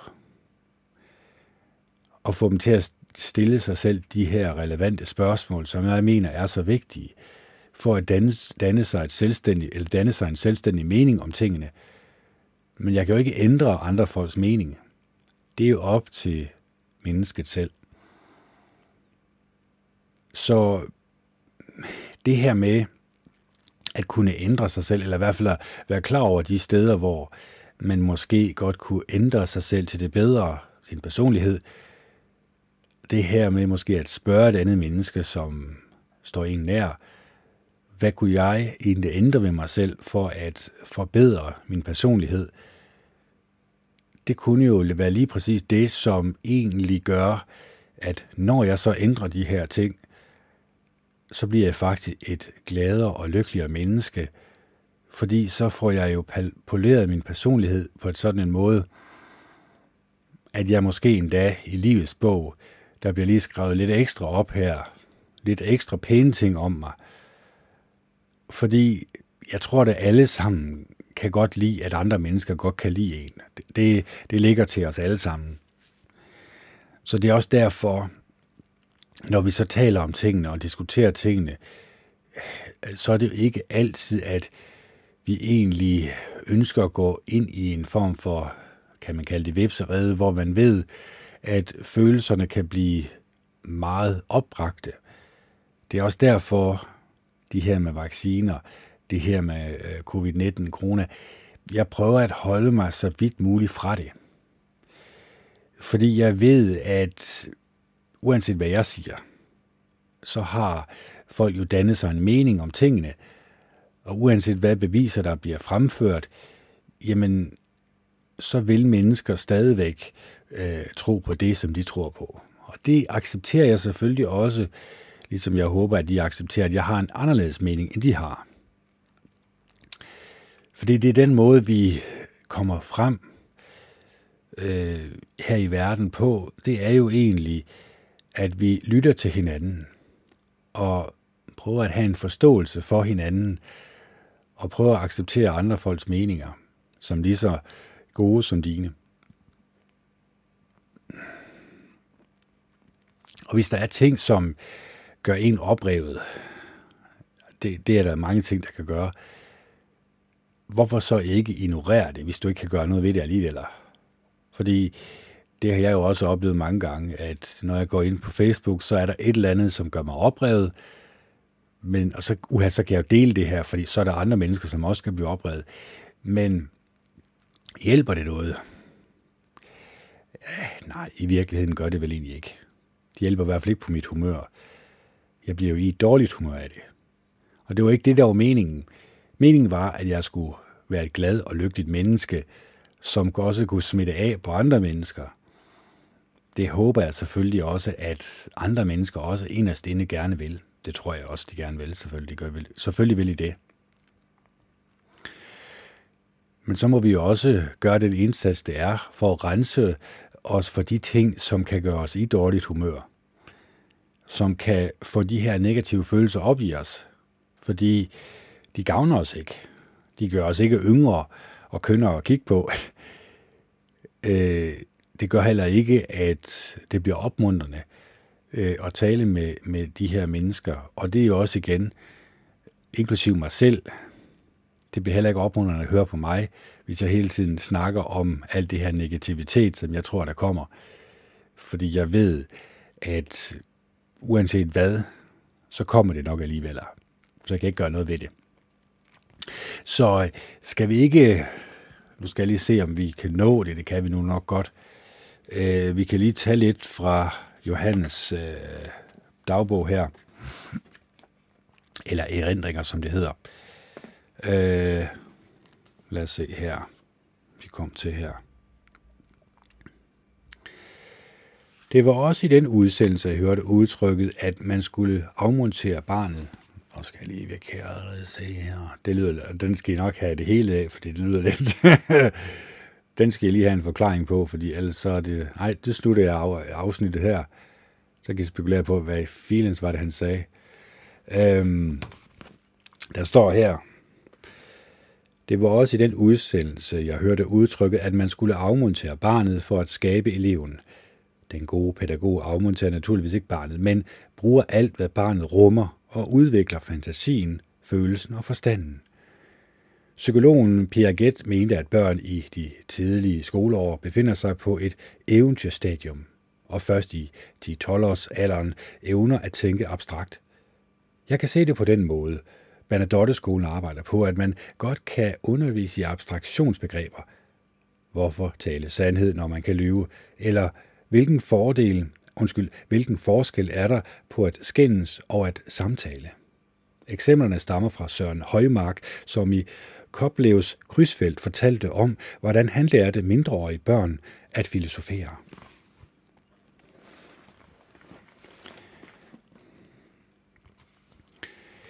Mit barnebarn besvarede det første spørgsmål sådan. Fordi det er svært at huske, hvad man har sagt, når man lyver, og fordi det er meget sjovere at fortælle, hvad man rigtig har oplevet, end hvad man selv finder på. Og det andet besvarede hun med at sige, at folk, der skændes, råber højt og hører ikke efter, mens man netop hører efter, når man taler sammen. Man hører hinanden.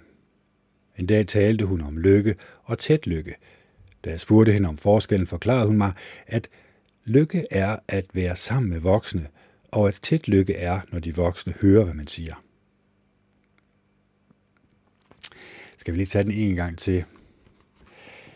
Mit barnebarn besvarede det første spørgsmål sådan. Fordi det er svært at huske, hvad man har sagt, når man lyver, og fordi det er meget sjovere at fortælle, hvad man rigtig har oplevet, end hvad man selv finder på. Og det andet besvarede hun med at sige, at folk, der skændes, råber højt og hører ikke efter, mens man netop hører efter, når man taler sammen. Man hører hinanden. En dag talte hun om lykke og tæt lykke. Da jeg spurgte hende om forskellen, forklarede hun mig, at lykke er at være sammen med voksne, og at tæt lykke er, når de voksne hører, hvad man siger. Så var der nogle ting her, vi kunne bruge? Ja, det synes jeg da. Fordi øh, man siger, for børn af fulde folk skal man høre sandheden. Og det er jo klart, at det her med at lyve, det er jo svært at holde styr på. Og det er også meget sjovere. Det er også meget sjovere, når at øh, når det, man siger, øh, der er sandheden, øh, det gør det mere spændende. Fordi det er noget, man selv har oplevet. End at når man egentlig lyver, og så egentlig skal huske på, hvad var det den sidste løgn, jeg sagde. Så er det ikke så godt. Og det kan børn allerede filosofere her. Men har du oplevet en skole, hvor de har gjort det her? Nej, det tror jeg ikke. Det, det er så få skoler, der egentlig har haft den her form for filosofi, hvor børnene godt kan filosofere sig frem til, at det nok er forkert at lyve. Det er nok er forkert at stjæle. Det er nok forkert at gøre nogle ting, som kan såre et andet menneske. Jeg ved godt, at folk bliver konfirmeret, og der lærer man jo også nogle moralbegreber. Selvfølgelig gør man det man bliver stillet over for nogle dilemmaer. Det selvfølgelig gør man det. Så nogle moralbegreber er nok også rigtig godt at lære allerede fra tidlig barnsben. Øh, det er det på, på alle områder, fordi at hvis man først lærer dem sent i livet, så er det meget svært at komme af med. Så er det utrolig svært at øh, hvis man har lært, at det er lyve og det er stjæle, det kan man godt øh, fra familien af eller fra sine forældre, det er ikke særlig godt for en, når man kommer op i voksenlivet. Fordi så opdager man jo, at sådan har andre mennesker det bestemt ikke. Og så skal man til at ændre sig. Så bliver det straks sværere at ændre sig. Så den måde, vi også bliver opdraget på, er jo også utrolig vigtig. Den moral, vi har fået fra vores forældre, men det er også den moral, vi har fået fra skolen af, den former os jo også. Og den har jo måske også lært os en lille smule, hvad der er rigtigt og forkert. Men hvis vi ikke har haft en filosofilærer, det tror jeg ikke, vi har haft i vores skole, i folkeskolen, hvis vi ikke har haft en form for morallærer, som jeg egentlig heller ikke rigtig tror, vi har haft i folkeskolen, jamen, hvordan skal vi så lære, hvad der er rigtigt og forkert? Ja, så lærer vi jo det på den hårde, den hårde måde. Altså, når man tager noget fra et andet menneske, så bliver mennesket sur og tvær, og det kan være, at andre mennesker også er sure og tvær på en. ja, det er ikke en særlig behagelig fornemmelse. Okay, så, gør, så lader man være med det. Men det er jo en ret hård og barsk måde at lære det på. Det er jo meget nemmere at lade være med at stjæle, og sådan egentlig vide inderst inde, at det gør man selvfølgelig ikke, fordi det sårer et andet menneske, så det ønsker man ikke at gøre. Fordi hvis man, hvis man nu gør det, at man stjæler, og kan se, at andre mennesker ikke bryder sig om en, så kan man jo gå rundt med den label resten af livet. Eller i hvert fald i mange år fremover. Og så er folk svært ved at stole på en. Så det er bare for at sige, at det her learning by doing, det er ikke altid øh, den bedste løsning. Så jeg tror, vi skal, vi skal nok frem til, at den måde, vi har lært på fra skolen af, har måske haft så stor indflydelse på os, at vi måske, når vi ligesom tænker tilbage, har vi egentlig haft nogen moralkodex, eller hvad? Når vi sådan begynder at tænke os lidt om, jamen hvad har vi egentlig oplevet i barndommen? Af ting, som kunne forme os som et endnu bedre menneske, som et næstekærligt menneske, som et venligt menneske, ja, så vil de nok naturligvis falde tilbage på forældrene. Men det vil selvfølgelig også falde tilbage på skolen. Fordi hvis vi nu havde haft, skal jeg bare sige, to timer hver uge, vi havde jo, ja, vi kalder det religionsundervisning, eller kristendomundervisning hed det vel, som også formede os en, en lille smule. Jeg tror også, vi blev bedre mennesker af det. Selvfølgelig gjorde vi det. Men jeg ved ikke rigtig, hvor meget moral der var ved det. Jeg tror nærmest, det var sådan en undervisning om, hvad der historisk skete. Øh, ikke så meget, at man skulle tro på opstandelsen og øh, tro på det offer, som Jesus havde bragt, og den barmhjertige samaritaner, kender vi jo nok godt, men det er jo nok en, vi egentlig skulle få frisket op hver dag. At vi ikke må være som, som præsten og levitten, fordi de gik jo forbi på den modsatte vej. De følte jo vemmelse over den her mand, som var faldt, eller som havde blevet overfaldet af de her røvere. Det var jo kun samaritaneren, som fik inderligt ondt af manden, forbandt hans sår og tog ham med på sit æsel og tog ham med til et herberg, hvor han betalte for, at manden skulle plejes, og så sagde han, at når han kom tilbage igen for at se, hvordan manden havde det, ja, så skulle han nok betale, hvad det yderligere kom til at koste. Og så spørger Jesus jo manden her, det kan man selv læse, hvis man skriver den barmhjerte som hvem har egentlig gjort sig til næste for manden, som faldt blandt røverne? Ja, det bliver han jo nødt til at konkludere, at det var ham, som viste barmhjertighed ja, så går du ud og gør det samme selv, siger Jesus. Så gør vi det, viser vi andre mennesker barmhjertighed. Tænker vi på andre mennesker, som vi egentlig tænker på os selv? Eller er vi på en eller anden måde blevet for egocentreret? At vi egentlig kun tænker på os selv? Ja, det, det har vi nok. Altså, jeg skal være den første til at indrømme det. Ja, jeg er egocentreret. Ja, jeg tænker mange gange kun på mig selv. Ja, på det område er jeg måske et dårligt menneske. Eller ikke måske, fordi så har du ligesom afvist dig. Jeg er et dårligt menneske på det område. Det er noget, som jeg skal ændre mig selv ved hele tiden. Jeg skal hele tiden være opmærksom på, at jeg ikke bliver som levitten og præsten, som har forhærdet deres hjerte, og ikke lad kærligheden komme ind. Ikke lad barmhjertigheden komme ind. Fordi mister vi først vores barmhjertighed, så mister vi vores værdighed, så mister vi vores medmenneskelighed, og så bliver vi hårde og onde mennesker. Og det kan vi jo vende tilbage til at sige, hvad var det, Jehova Gud han så, da han så ned på de mennesker, før vandfloden. Ja, han sagde, at menneskenes tanker var ond dagen lang. Så lad os da for Guds skyld ikke gøre tankerne onde dagen lang. Lad os da finde det positive i livet. Lad os da finde positive tanker frem, som kan være opmuntrende og som kan gavne os i livet lad os da, hvis vi har mulighed for det, ringe til andre mennesker, som står os nær, og sørge for, at de får den opmærksomhed og kærlighed fra os, som kunne gøre det sådan, at de også føler, de også føler sig som menneske. Fordi øh, Møllehave, han er jo lige afgået ved døden, og hvad var det, han sagde under det her corona? Han sagde, at han følte sig som en burhøne.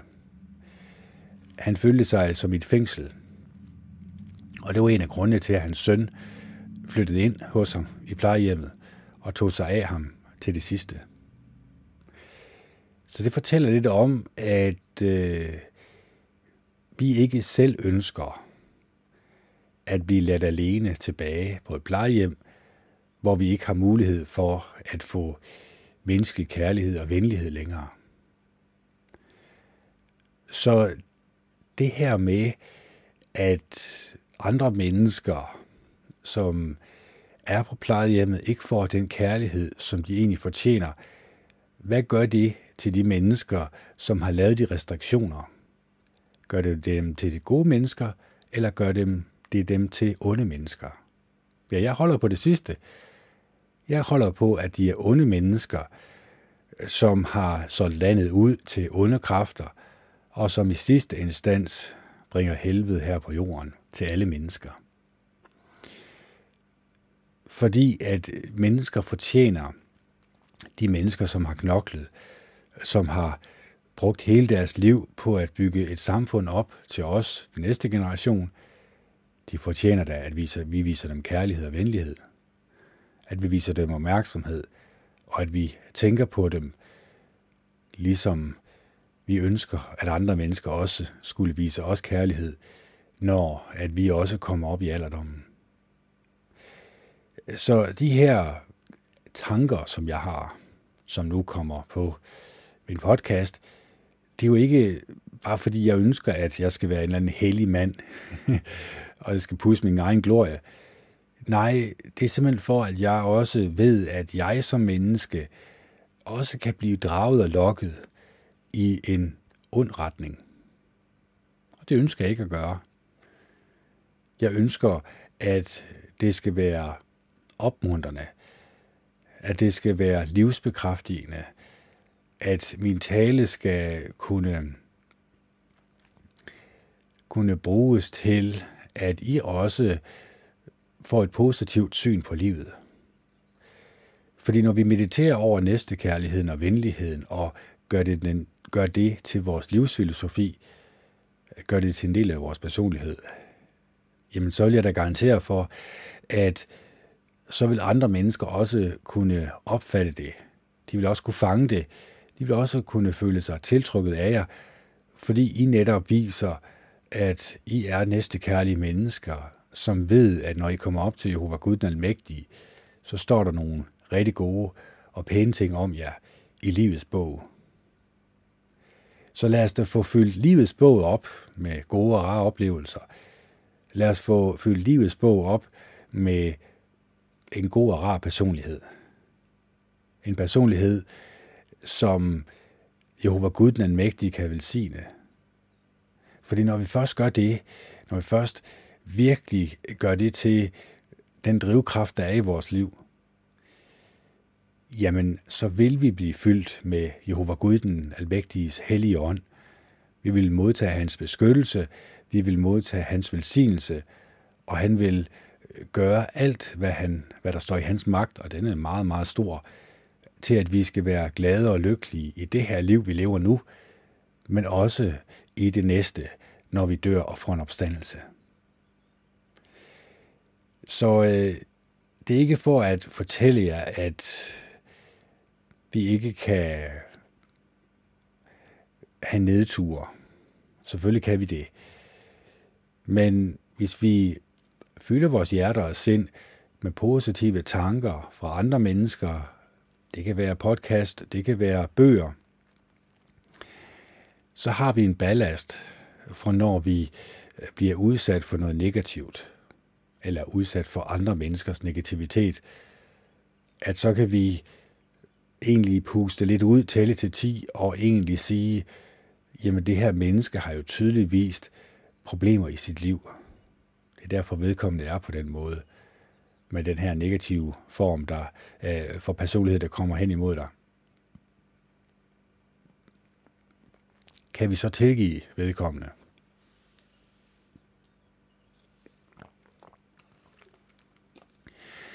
Kan vi så gøre det til vores drivkraft eller vores livsfilosofi at acceptere andre menneskers dårligdomme. Det her med at tælle til 10, det virker for mange mennesker, nå ja, det har vi hørt før, men at virkelig udøve det, at virkelig vise selvbeherskelse, at virkelig trække vejret stille og roligt, og ikke eskalere en situation, men dæmpe en situation, dæmpe gemytterne, ja, så viser du dig som den stærkere person. Så viser du dig som en person, som Jehova Gud, han kan velsigne. Og når han først velsigner dig, jamen, så gør han det jo totalt. Han holder ikke noget tilbage. Så jeg garanterer for, at hvis du arbejder på at være så næstekærligt og rart og godt et menneske som overhovedet muligt, hvis du sørger for at rense dig fra skraldespanden med alle de dårlige ting, der er der, og hvis du kun fokuserer på positive egenskaber og at opmuntre andre, så vil jeg også garantere for, at Jehova Gud, han kommer ind i dit liv på en så elskelig måde, som I måske ikke engang var klar over kunne lade sig gøre. Så det gælder om selvfølgelig at tro, det synes jeg, jeg har lært jer, at det er egentlig meget nemt at tro på Jehova Gud, fordi at jeg har forklaret, hvordan han eksisterer og hvorfor han eksisterer. Og han eksisterer med det hovedformål, at han ønsker, at andre mennesker, eller de mennesker, som han har skabt, det er alle mennesker, skal komme til en sindsændring.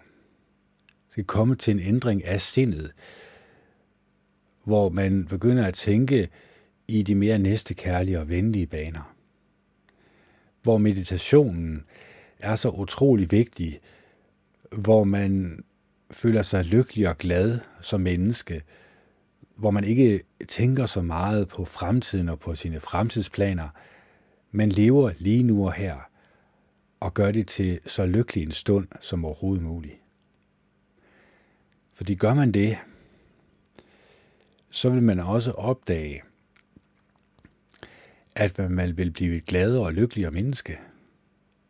Man vil på en eller anden måde øh, kunne måske endda komme ud af en depression eller dårlige ting, som er sket i ens liv, vil man kunne få gennembearbejdet ved hjælp af meditationen, ved hjælp af at holde sig fra skraldespanden og begynde at fokusere Øh, på at være så næstekærligt og et rart et menneske som overhovedet muligt. Så det er for at sige, at det er nemt det her at sige højt på det, i den her podcast. Det er straks sværere, når vi så også skal leve det, når vi skal leve blandt andre mennesker med forskellige personligheder, at vi så også skal acceptere, at andre mennesker er anderledes end vi er. Fordi gør vi det, så vil jeg garantere for, at vi som mennesker føler en forbindelse til hinanden. Man kan sige, at den forbindelse har vi på en eller anden måde mistet, fordi vi har kigget for meget i skraldespanden, og kigget for meget og lyttet for meget til de her onde mennesker. Men det er stadigvæk tid til at sige nej. Der er stadigvæk tid til at sige til sig selv, nej tak. Jeg ønsker ikke at være en del af mennesker, som går rundt med onde tanker dagen lang. Og de onde tanker, dem kan du kun få øje på, når du begynder at opdyrke dig selv som et næstekærligt og et vældigt menneske, som holder sig fri fra skraldespanden, og som gør alt, hvad du kan for at fylde gode og positive tanker ind i dit hjerte og sind. Fordi når du gør det, når du gør det, det til din livsfilosofi, så vil du opdage, hvor meget du egentlig bliver påvirket af skraldespanden, og af øh, den her negative tendens, der er i samfundet, til hele tiden at diskutere emner, øh, som gør dig ulykkelig, som gør dig trist til mode, som gør, at du føler, at du måske endda føler dig alene i verden, og ikke en del af et fællesskab af mennesker, som ønsker det bedste for dig, og som har en kærlighed til dig, en venlighed til dig, en ydmyghed til dig, som du ikke troede mulig. Men det kræver jo, den her sindsændring kræver, at vi ligesom får sindet flyttet i en retning, hvor vi kan lade os påvirke af positive egenskaber. Fordi jeg lader mig jo også påvirke i en negativ retning. Det kan jeg lige så godt indrømme. Jeg kigger også på en masse skrald fra skraldespanden. Altså, jeg håber selvfølgelig, at jeg er så god til at sortere i øjeblikket, at det bliver en påvirkning, som holder sig på det minimum, eller på det tålige, kan man sige. Men jeg har begyndt at kunne se, hvor jeg fejler hen. Og når jeg kan se det, så kan jeg også gøre noget ved det. Så er der i hvert fald mulighed for, at jeg kan sige til mig selv, her Kenneth, har du noget, som hvis du ændrer det, så gør du dig selv til et mere lykkeligt og glad menneske. Så renser du dig selv fra de her negative påvirkninger. Og når du så, kan man sige, bliver et mere positivt og et rart menneske at være sammen med, så kunne det også være, at du kunne påvirke mennesker til også at blive positive og rare mennesker, som, er, som det er rart at være sammen med. Når du siger, eller når du gør øh, de ting, der gør dig lykkelig og glad øh, og et opløftende menneske, så kunne det også være, at andre mennesker følger trop, og også prøver at følge en sti, som kunne gøre dem lykkelige og glade. Så øh, skal vi lige have den sidste. Der står her, det er en kunst at holde børn vågne. Den sande kunst er at holde dem overvågne. Ordbog over det danske sprog siger, at år hænger sammen med early, årle og arlilt, altså tidlig. Den gode pædagog har en evne til at føle sympati med sin klasse. Al sand oplysning er mild og blid, sagde Grundtvig. Og det milde og blide kræver varsom indføling og overbærenhed. Når, pædagog, når pædagogikken øh, giver os mod til at være dem, vi er, åbner større rum, lærer os, at vi hører sammen, når vi hører sammen, udvider vores horisont og får os til at holde os vågne og overvågne, er den en kunst, en stor kunst, som vi i høj grad bør sætte pris på. Lige tage den en gang til. Al sand oplysning er mild og blid, sagde Grundtvig, og det milde og blide kræver varsom indføling og overbærenhed. Når pædagogikken giver os mod til at være dem, vi er, åbner større rum, lærer os, at vi hører sammen, når vi hører sammen, udvider vores horisont og får os til at holde os vågne og overvågne, er det en, en kunst, en stor kunst, som vi i høj grad bør sætte pris på. Så øh, det her med, at når pædagogikken bliver sådan, at børn de føler sig trygge og sikre, de føler, at de kan give udtryk for, hvem de i virkeligheden er, uden at være bange for, at andre mennesker ser ned på dem, så er det en stor kunst. Det er jo en kunst at lære et andet menneske det her, som som gør, at mennesket føler sig trygt og sikker, og som får, og som får det her menneske til at føle, at det er elskeligt, at det er et glad og lykkeligt menneske, som føler sig åben over for at give udtryk for den måde, som vedkommende ønsker at give udtryk for sig på, og når man kan gøre det fra barns ben af, ja, så kunne det jo tænke sig, at man skaber et glad og lykkeligt menneske, fordi man har givet tilladelse til, at man ikke hele tiden rækker ned og retter ind, men at man sørger for, at barnet kan få lov til at give udtryk for sine følelser på en god og konstruktiv måde, øh, sådan at barnet også begynder at udvikle sig til det næste kærlige menneske. Jeg tror, vi... Øh, jeg ved ikke, om vi skulle afslutte her. Det skal vi også på et tidspunkt.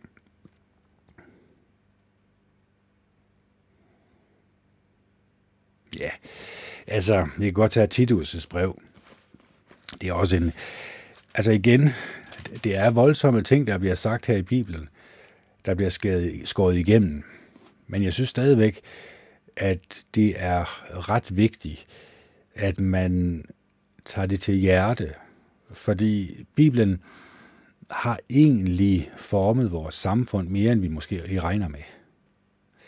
Og det er ikke ens betydende med, at vi skal tage alt det, som står i Bibelen for gode varer, eller øh, skal læse det som fanden læser Bibelen, som man siger. Men det er godt og rart at læse om, hvad der egentlig skete for 2000 år siden. Og vi skal selvfølgelig også lige huske på, at det var jo Romeriet, der var herskende, og det var ikke særlig rart rige at være en del af. Øh, det var et meget ondt rige.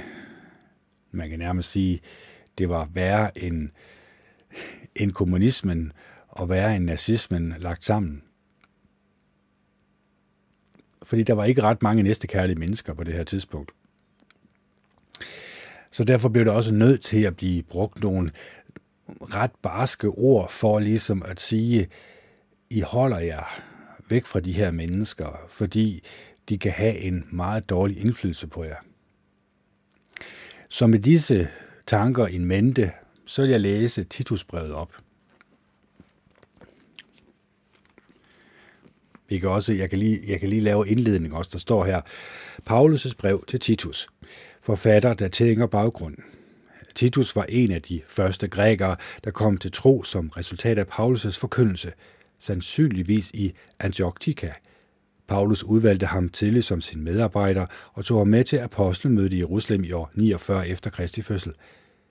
På Paulus' tredje missionrejse hjalp Titus ham under opholdet i Efesos, hvorefter Paulus sendte ham på en mission til Korinthermenigheden. Efter sit fangeskab i Rom tog Paulus Titus med på sin fjerde missionsrejse, og sammen grundlagde de en menighed på Kreta. Da Paulus fortsatte sin rejse, bad han Titus blive tilbage på Kreta for at tage sig af menigheden. Paulus skrev sandsynligvis brevet til Titus i år 66 efter Kristi fødsel, kort efter, at han havde skrevet det første brev til Timotius, muligvis under et ophold i Korinth, han beder Titus om at prøve at finde skibslejlighed til havnebyen Nikopolis på Grækenlands vestkyst. Brevet blev overbragt af Senas og Apollos. Det sidste vi hører om Titus er, at han rejste videre til Dalmatanien nord for Grækenland. Indholder budskab. Paulus minder Titus om, hvor vigtigt det er, at menighedens ledere og øvrige medlemmer har en uangribelig levevis, især da Kreta på den tid var kendt for sin umoral – de kristne bør leve i overensstemmelse med den sunde lære, det vil sige, de skal opføre sig besindigt og værdigt og lade sig opdrage af Guds nåde til at leve et Guds frygtigt liv. Et sådan liv har langt større slagkraft end mange ord. Indledende hilsen. Nummer 1. Dette brev er fra Paulus, Guds tjener og apostel for Jesus Kristus. Jeg blev udsendt for at forkynde troens budskab for dem, som Gud har udvalgt, og hjælpe dem til fuldt ud at forstå, hvordan de kan tilbede Gud på den sande måde. Jeg bygger min tjeneste på forventningerne om at få det evige liv, som Gud, der jo ikke kan lyve, gav løfte om allerede før tidernes begyndelse.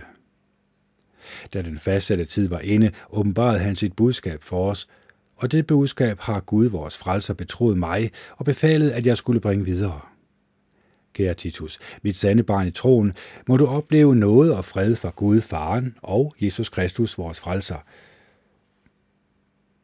Jeg efterlod, dig, jeg efterlod dig jo på Kreta, for at du kunne løse de problemer, vi manglede for løst, og for at du i hver by kunne indsætte ledere i menighederne, sådan som jeg gav dig besked om. En leder i menigheden skal have et godt ry. Han skal være tro i sit ægteskab og have lært sine børn at være trofaste, så de ikke skejser ud eller er oprørske. En, der får et lederansvar i Guds menighed, må ikke være arrogant, hissig, drikfældig, stridsløsten eller ude efter at berige sig selv.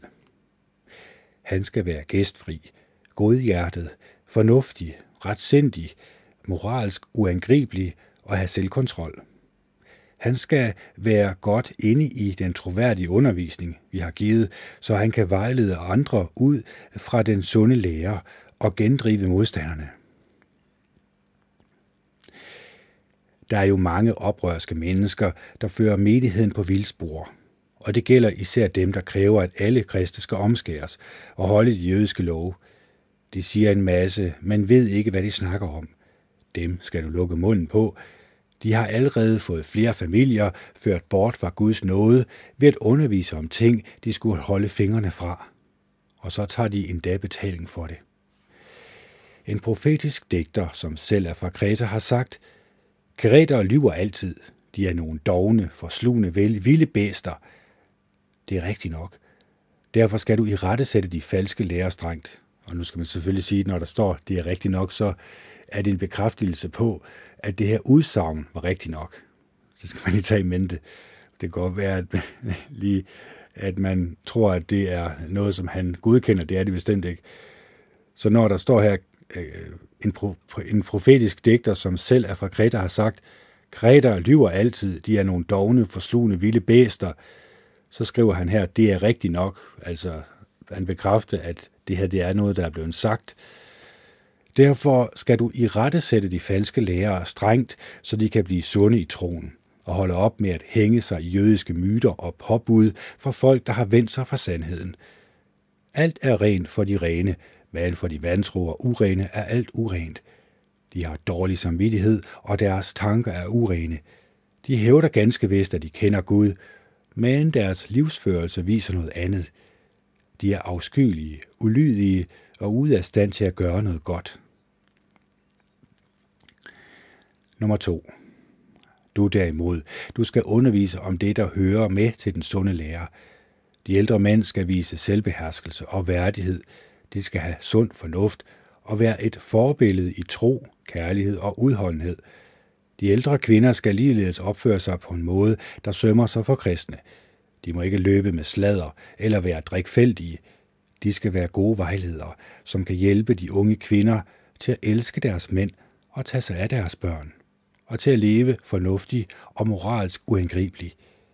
De skal også lære at være gode husmødre, der er villige til at underordne sig deres mænd, så Guds ord ikke kommer i vandry. Du skal formane de unge mænd til ligeledes at være fornuftige i alt, hvad de foretager sig, og du skal selv være et godt forbillede. Din undervisning skal være uangribelig og værdig. Den skal være korrekt, så du vinder respekt hos dem, der gerne vil modsige dig, men ikke kan finde noget dårligt at sige om os.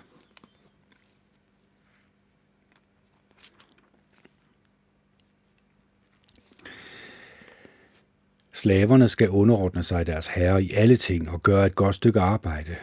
De må ikke svare igen eller stikke noget til sig, men vise, at de er til at stole på, så de ved deres livsførelse skaber respekt om Guds, vores frelsers lære. Gud har åbenbaret sin nåde, som gør det muligt for alle mennesker at blive frelst.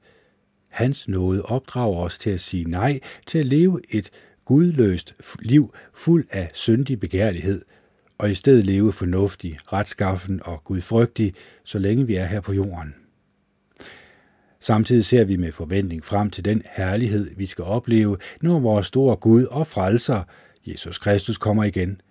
Jesus gav jo sit liv for vores skyld, så han kunne løskøbe os fra al ondskab og umoralitet og gøre os til sit ejendomsfolk, der ivrigt vil gøre det gode. Du skal formane alle til at følge de her anvisninger, og du skal i rette sætte de falske lærere. Gør det med myndighed, og lad dig ikke skræmme af folk, eller og lad dig ikke skræmme af, hvad folk tænker om dig.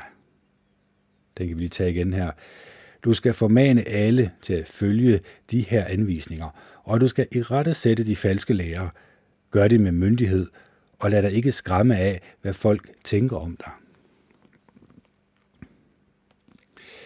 Nummer 3. Mind de kristne om, at de skal underordne sig regering og øvrighed, være lydige og altid parat til at gøre det rette. De må ikke håne nogen eller komme i klammeri, men de skal være venlige og hensynsfulde mod alle. Lad os ikke glemme, at også vi engang var på vildspor og levede i et tankeløst oprør mod Gud. Vi var slaver af mange forskellige former for begær og syndige lidenskaber. Vi levede et liv i ondskab og misundelse. Vi havde et andre, og de havde et os til gengæld. Men så åbenbarede Gud vores frelser, sin godhed og kærlighed til os mennesker. Det var ikke på grund af alt det gode, vi havde gjort, at han frelste os, Nej, det var alene på grund af hans nåde imod os, at vi blev født på ny. Det var som at få et rensende bad, og Guds hellige ånd førte os ind i et nyt liv. Gud udøste helligånden over os i rigt mål gennem Jesus Kristus, vores frelser, så han efter at have accepteret os ved sin nåde, kunne give os forvisning om at få del i det evige liv. Det ord kan du stole på, og jeg råder dig til at lægge vægt på det, så de, der er kommet til tro på Gud, må være opsat på at gøre gode gerninger. Det er nemlig godt og gavnligt for os mennesker. Sørg for at undgå tåbelige diskussioner og skænderier om den jødiske lov og de lange stamtavler. Den slags er uden værdi og fører intet godt med sig. Hvis du to gange har prøvet at vejlede og advare en, der opreklamerer falsk lærer, og han ikke vil høre efter, skal du vise ham bort. Et sådan menneske har vendt sig bort fra sandheden og dømt sig selv. Han er en uforbederlig synder.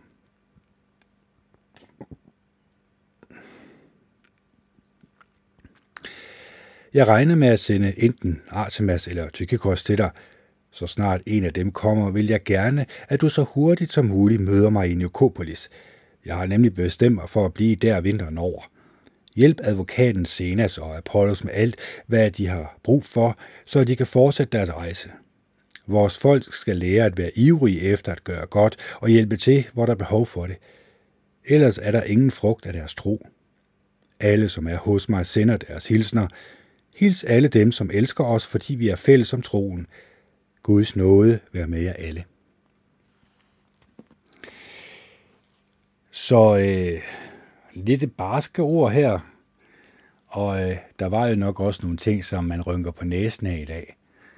Kvinderne, kogekonerne, som Johnny Gade, han vil få sige, jeg ved ikke, hvorfor han det vil med at grave det hul i, øh, ja, jamen, det må han jo selv ikke råd med. Æh, det her med at underordne sig, det er jo klart, det er jo ikke noget, som vi gør i dag, er det. Men på det her tidspunkt, med de her omgivelser, de her mennesker, som omgav en, der var det måske ret vigtigt. Men vi så jo også, hvordan manden skulle opføre sig. At manden skulle jo opføre sig upåklageligt. Han skulle være et næstekærligt, et rart menneske, et mildt menneske, et menneske, som kunne beherske sig selv, og et menneske, som havde så dyb kærlighed til sin hustru, at han selvfølgelig også tog hendes tanker og følelser øh, in consideration, når han traf sine beslutninger. Så øh, man skal være klar over, at det er kun et næstekærligt menneske, en næstekærlig mand, som viser uendelig kærlighed til alle mennesker. Det er kun der, i det tilfælde, at kvinden skal underordne sig fordi det er rart og godt for hende at gøre det. Det er jo ikke, når det er en tyrannisk mand, som er undertrykkende og som øh, på en eller anden måde ja, vil, øh, vil trykke hende øh, de forkerte steder, øh, vil fortælle hende dumme ting eller onde ting, som så mange andre mennesker gør i dag. Det er jo ikke der, hvor kvinden skal adlyde eller underordne sig. Det er klart, der skal hun jo nærmest ikke underordne sig. Så hvis hun ikke kan mærke, at hendes mand er næstekærlig og venlig og ydmyg og mild, ja, så er der i hvert fald ingen grund til at blive i det ægteskab. Fordi så viser manden jo ikke, at han har opdyrket de egenskaber, som bliver skrevet op i livets bog, og som det kræver at komme ind i den nye verden. Så øh, jeg kunne godt blive ved med at forklare det her, og igen, det er 2000 år siden, det er skrevet selvfølgelig, og så var der også noget med slaver igen, hvordan de skulle opføre sig. Det har vi jo heldigvis ikke i dag. Det er klart. Men der er jo nogen, som arbejder for nogen. Der står også de øvrige myndigheder. Skal vi adlyde? Men det stod jo også, at det var jo også, når det var i overensstemmelse med Jehova Gud, og kun når de var i uenstemmelse med Jehova Gud. Så det er ikke sikkert, at vi skal adlyde i dag, når regeringen vil have, at vi skal tvangsvaccineres og tvangstestes og have de her øh, vacciner, som i sidste instans muligvis ender vores liv. Så øh, vi skal ligesom også tage mm, det, der står i Bibelen, som noget, vi kan bruge i vores hverdag. Det er rigtigt. Men vi skal også være klar over, at det er 2000 år siden, det er skrevet. Og når vi sådan implementerer noget, som er skrevet for 2000 år siden på os selv, selvfølgelig går det dybt ind og skulle gerne påvirke os til at blive endnu mere positive mennesker. Men vi kan godt mærke, at øh, der er nogle steder, hvor det trykker lidt forkert, og så afviser vi jo hele Bibelen, fordi at der er lige nogle enkelte steder, det trykker os. Og jeg er også helt sikker på, 100% sikker på, at der har været noget i de her to timer, som også har trykket jer forkert. Det er noget, der giver sig selv. Det kan ikke undgås. Altså, jeg har ikke oplevet endnu et menneske, som, øh, eller et eneste menneske, som har været 100% enig med mig. Men jeg håber selvfølgelig, at der var nogle ting i min podcast, som I kunne tage med. At der var nogle tanker, hvor I også kunne sige til, til jer selv, her var noget, som kunne hjælpe mig øh, til at få et mere positivt syn på livet, øh, til at opbygge mig selv, så jeg får den her positive livssyn, den her måde at tænke på, hvor at jeg tænker som et næste kærligt menneske vil tænke, at jeg befrier mig fra alle de her onde tanker, som i sidste instans kommer fra skraldespanden, og at jeg ved hjælp af meditation mediterer over, hvordan kan jeg få endnu flere positive tanker ind i mit hjerte og sind, som kunne hjælpe mig til at vise, at jeg er et positivt menneske, som ønsker, at andre mennesker skal være lykkelige og glade, og som ønsker, at andre mennesker også kan komme til den konklusion, at det bedste i livet er nok at fokusere på de positive egenskaber, at fokusere på at opdyrke dem i så høj en grad, at de bliver en del af ens personlighed. Fordi når vi gør det, så tror jeg, og det er kun en tro, jeg har, så tror jeg, at der bliver skrevet en lille linje i livets bog.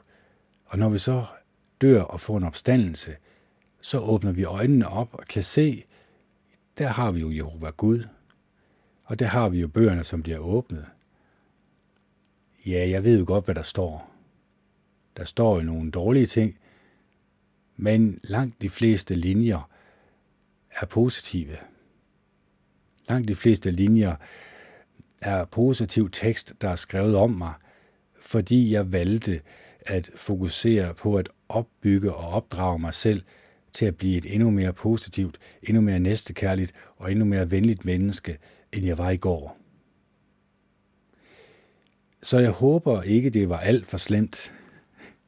Jeg håber heller ikke, at podcasten var alt for lang. Det var den selvfølgelig lidt. Men, øh, og så håber jeg selvfølgelig også, at der var mange tanker, som jeg sagde om og om igen. Det var der nu nok. Men jeg håber, I følger opmuntret. Og at jeg måske ikke, det ikke var hele tiden, der var opmuntring på vej, men det er også for ligesom at skabe den her kontrast imellem det at vælge at fortsætte med at fokusere på skraldespanden, kontra at fokusere på at gøre dig selv lykkelig og glad, det kræver, at du bliver, begynder at fokusere på de positive egenskaber og at opdyrke dem. Så øh, det er egentlig det, jeg egentlig vil afslutte med. Fordi hvad var der stod? Det kan vi lige læse igen. Bare lige for at være helt sikker på, at jeg fik læst det rigtigt igennem. Jeg skal lige se her, det var Titus. Den ligger et eller andet sted her. Uh, ja. Jakob Titus, ja.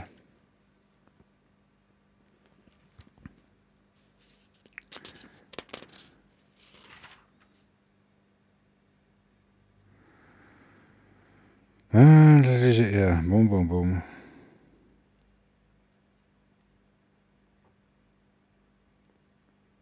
Der står her, en leder i menigheden skal have et godt ry. Han skal være tro i sit ægteskab og have lært sine børn at være trofaste, så de ikke skejser ud eller er oprørske. En, der får et lederansvar i Guds menighed, må ikke være arrogant, hissig, drikfældig, stridsløsten eller ude efter at berige sig selv. Han skal være gæstfri, godhjertet, fornuftig, retsindig, moralsk uangribelig og have selvkontrol – han skal være godt inde i den troværdige undervisning, vi har givet, så han kan vejlede andre ud fra den sunde lære og gendrive modstanderne. Og det samme her. Du derimod skal undervise om det, der hører med til den sunde lære.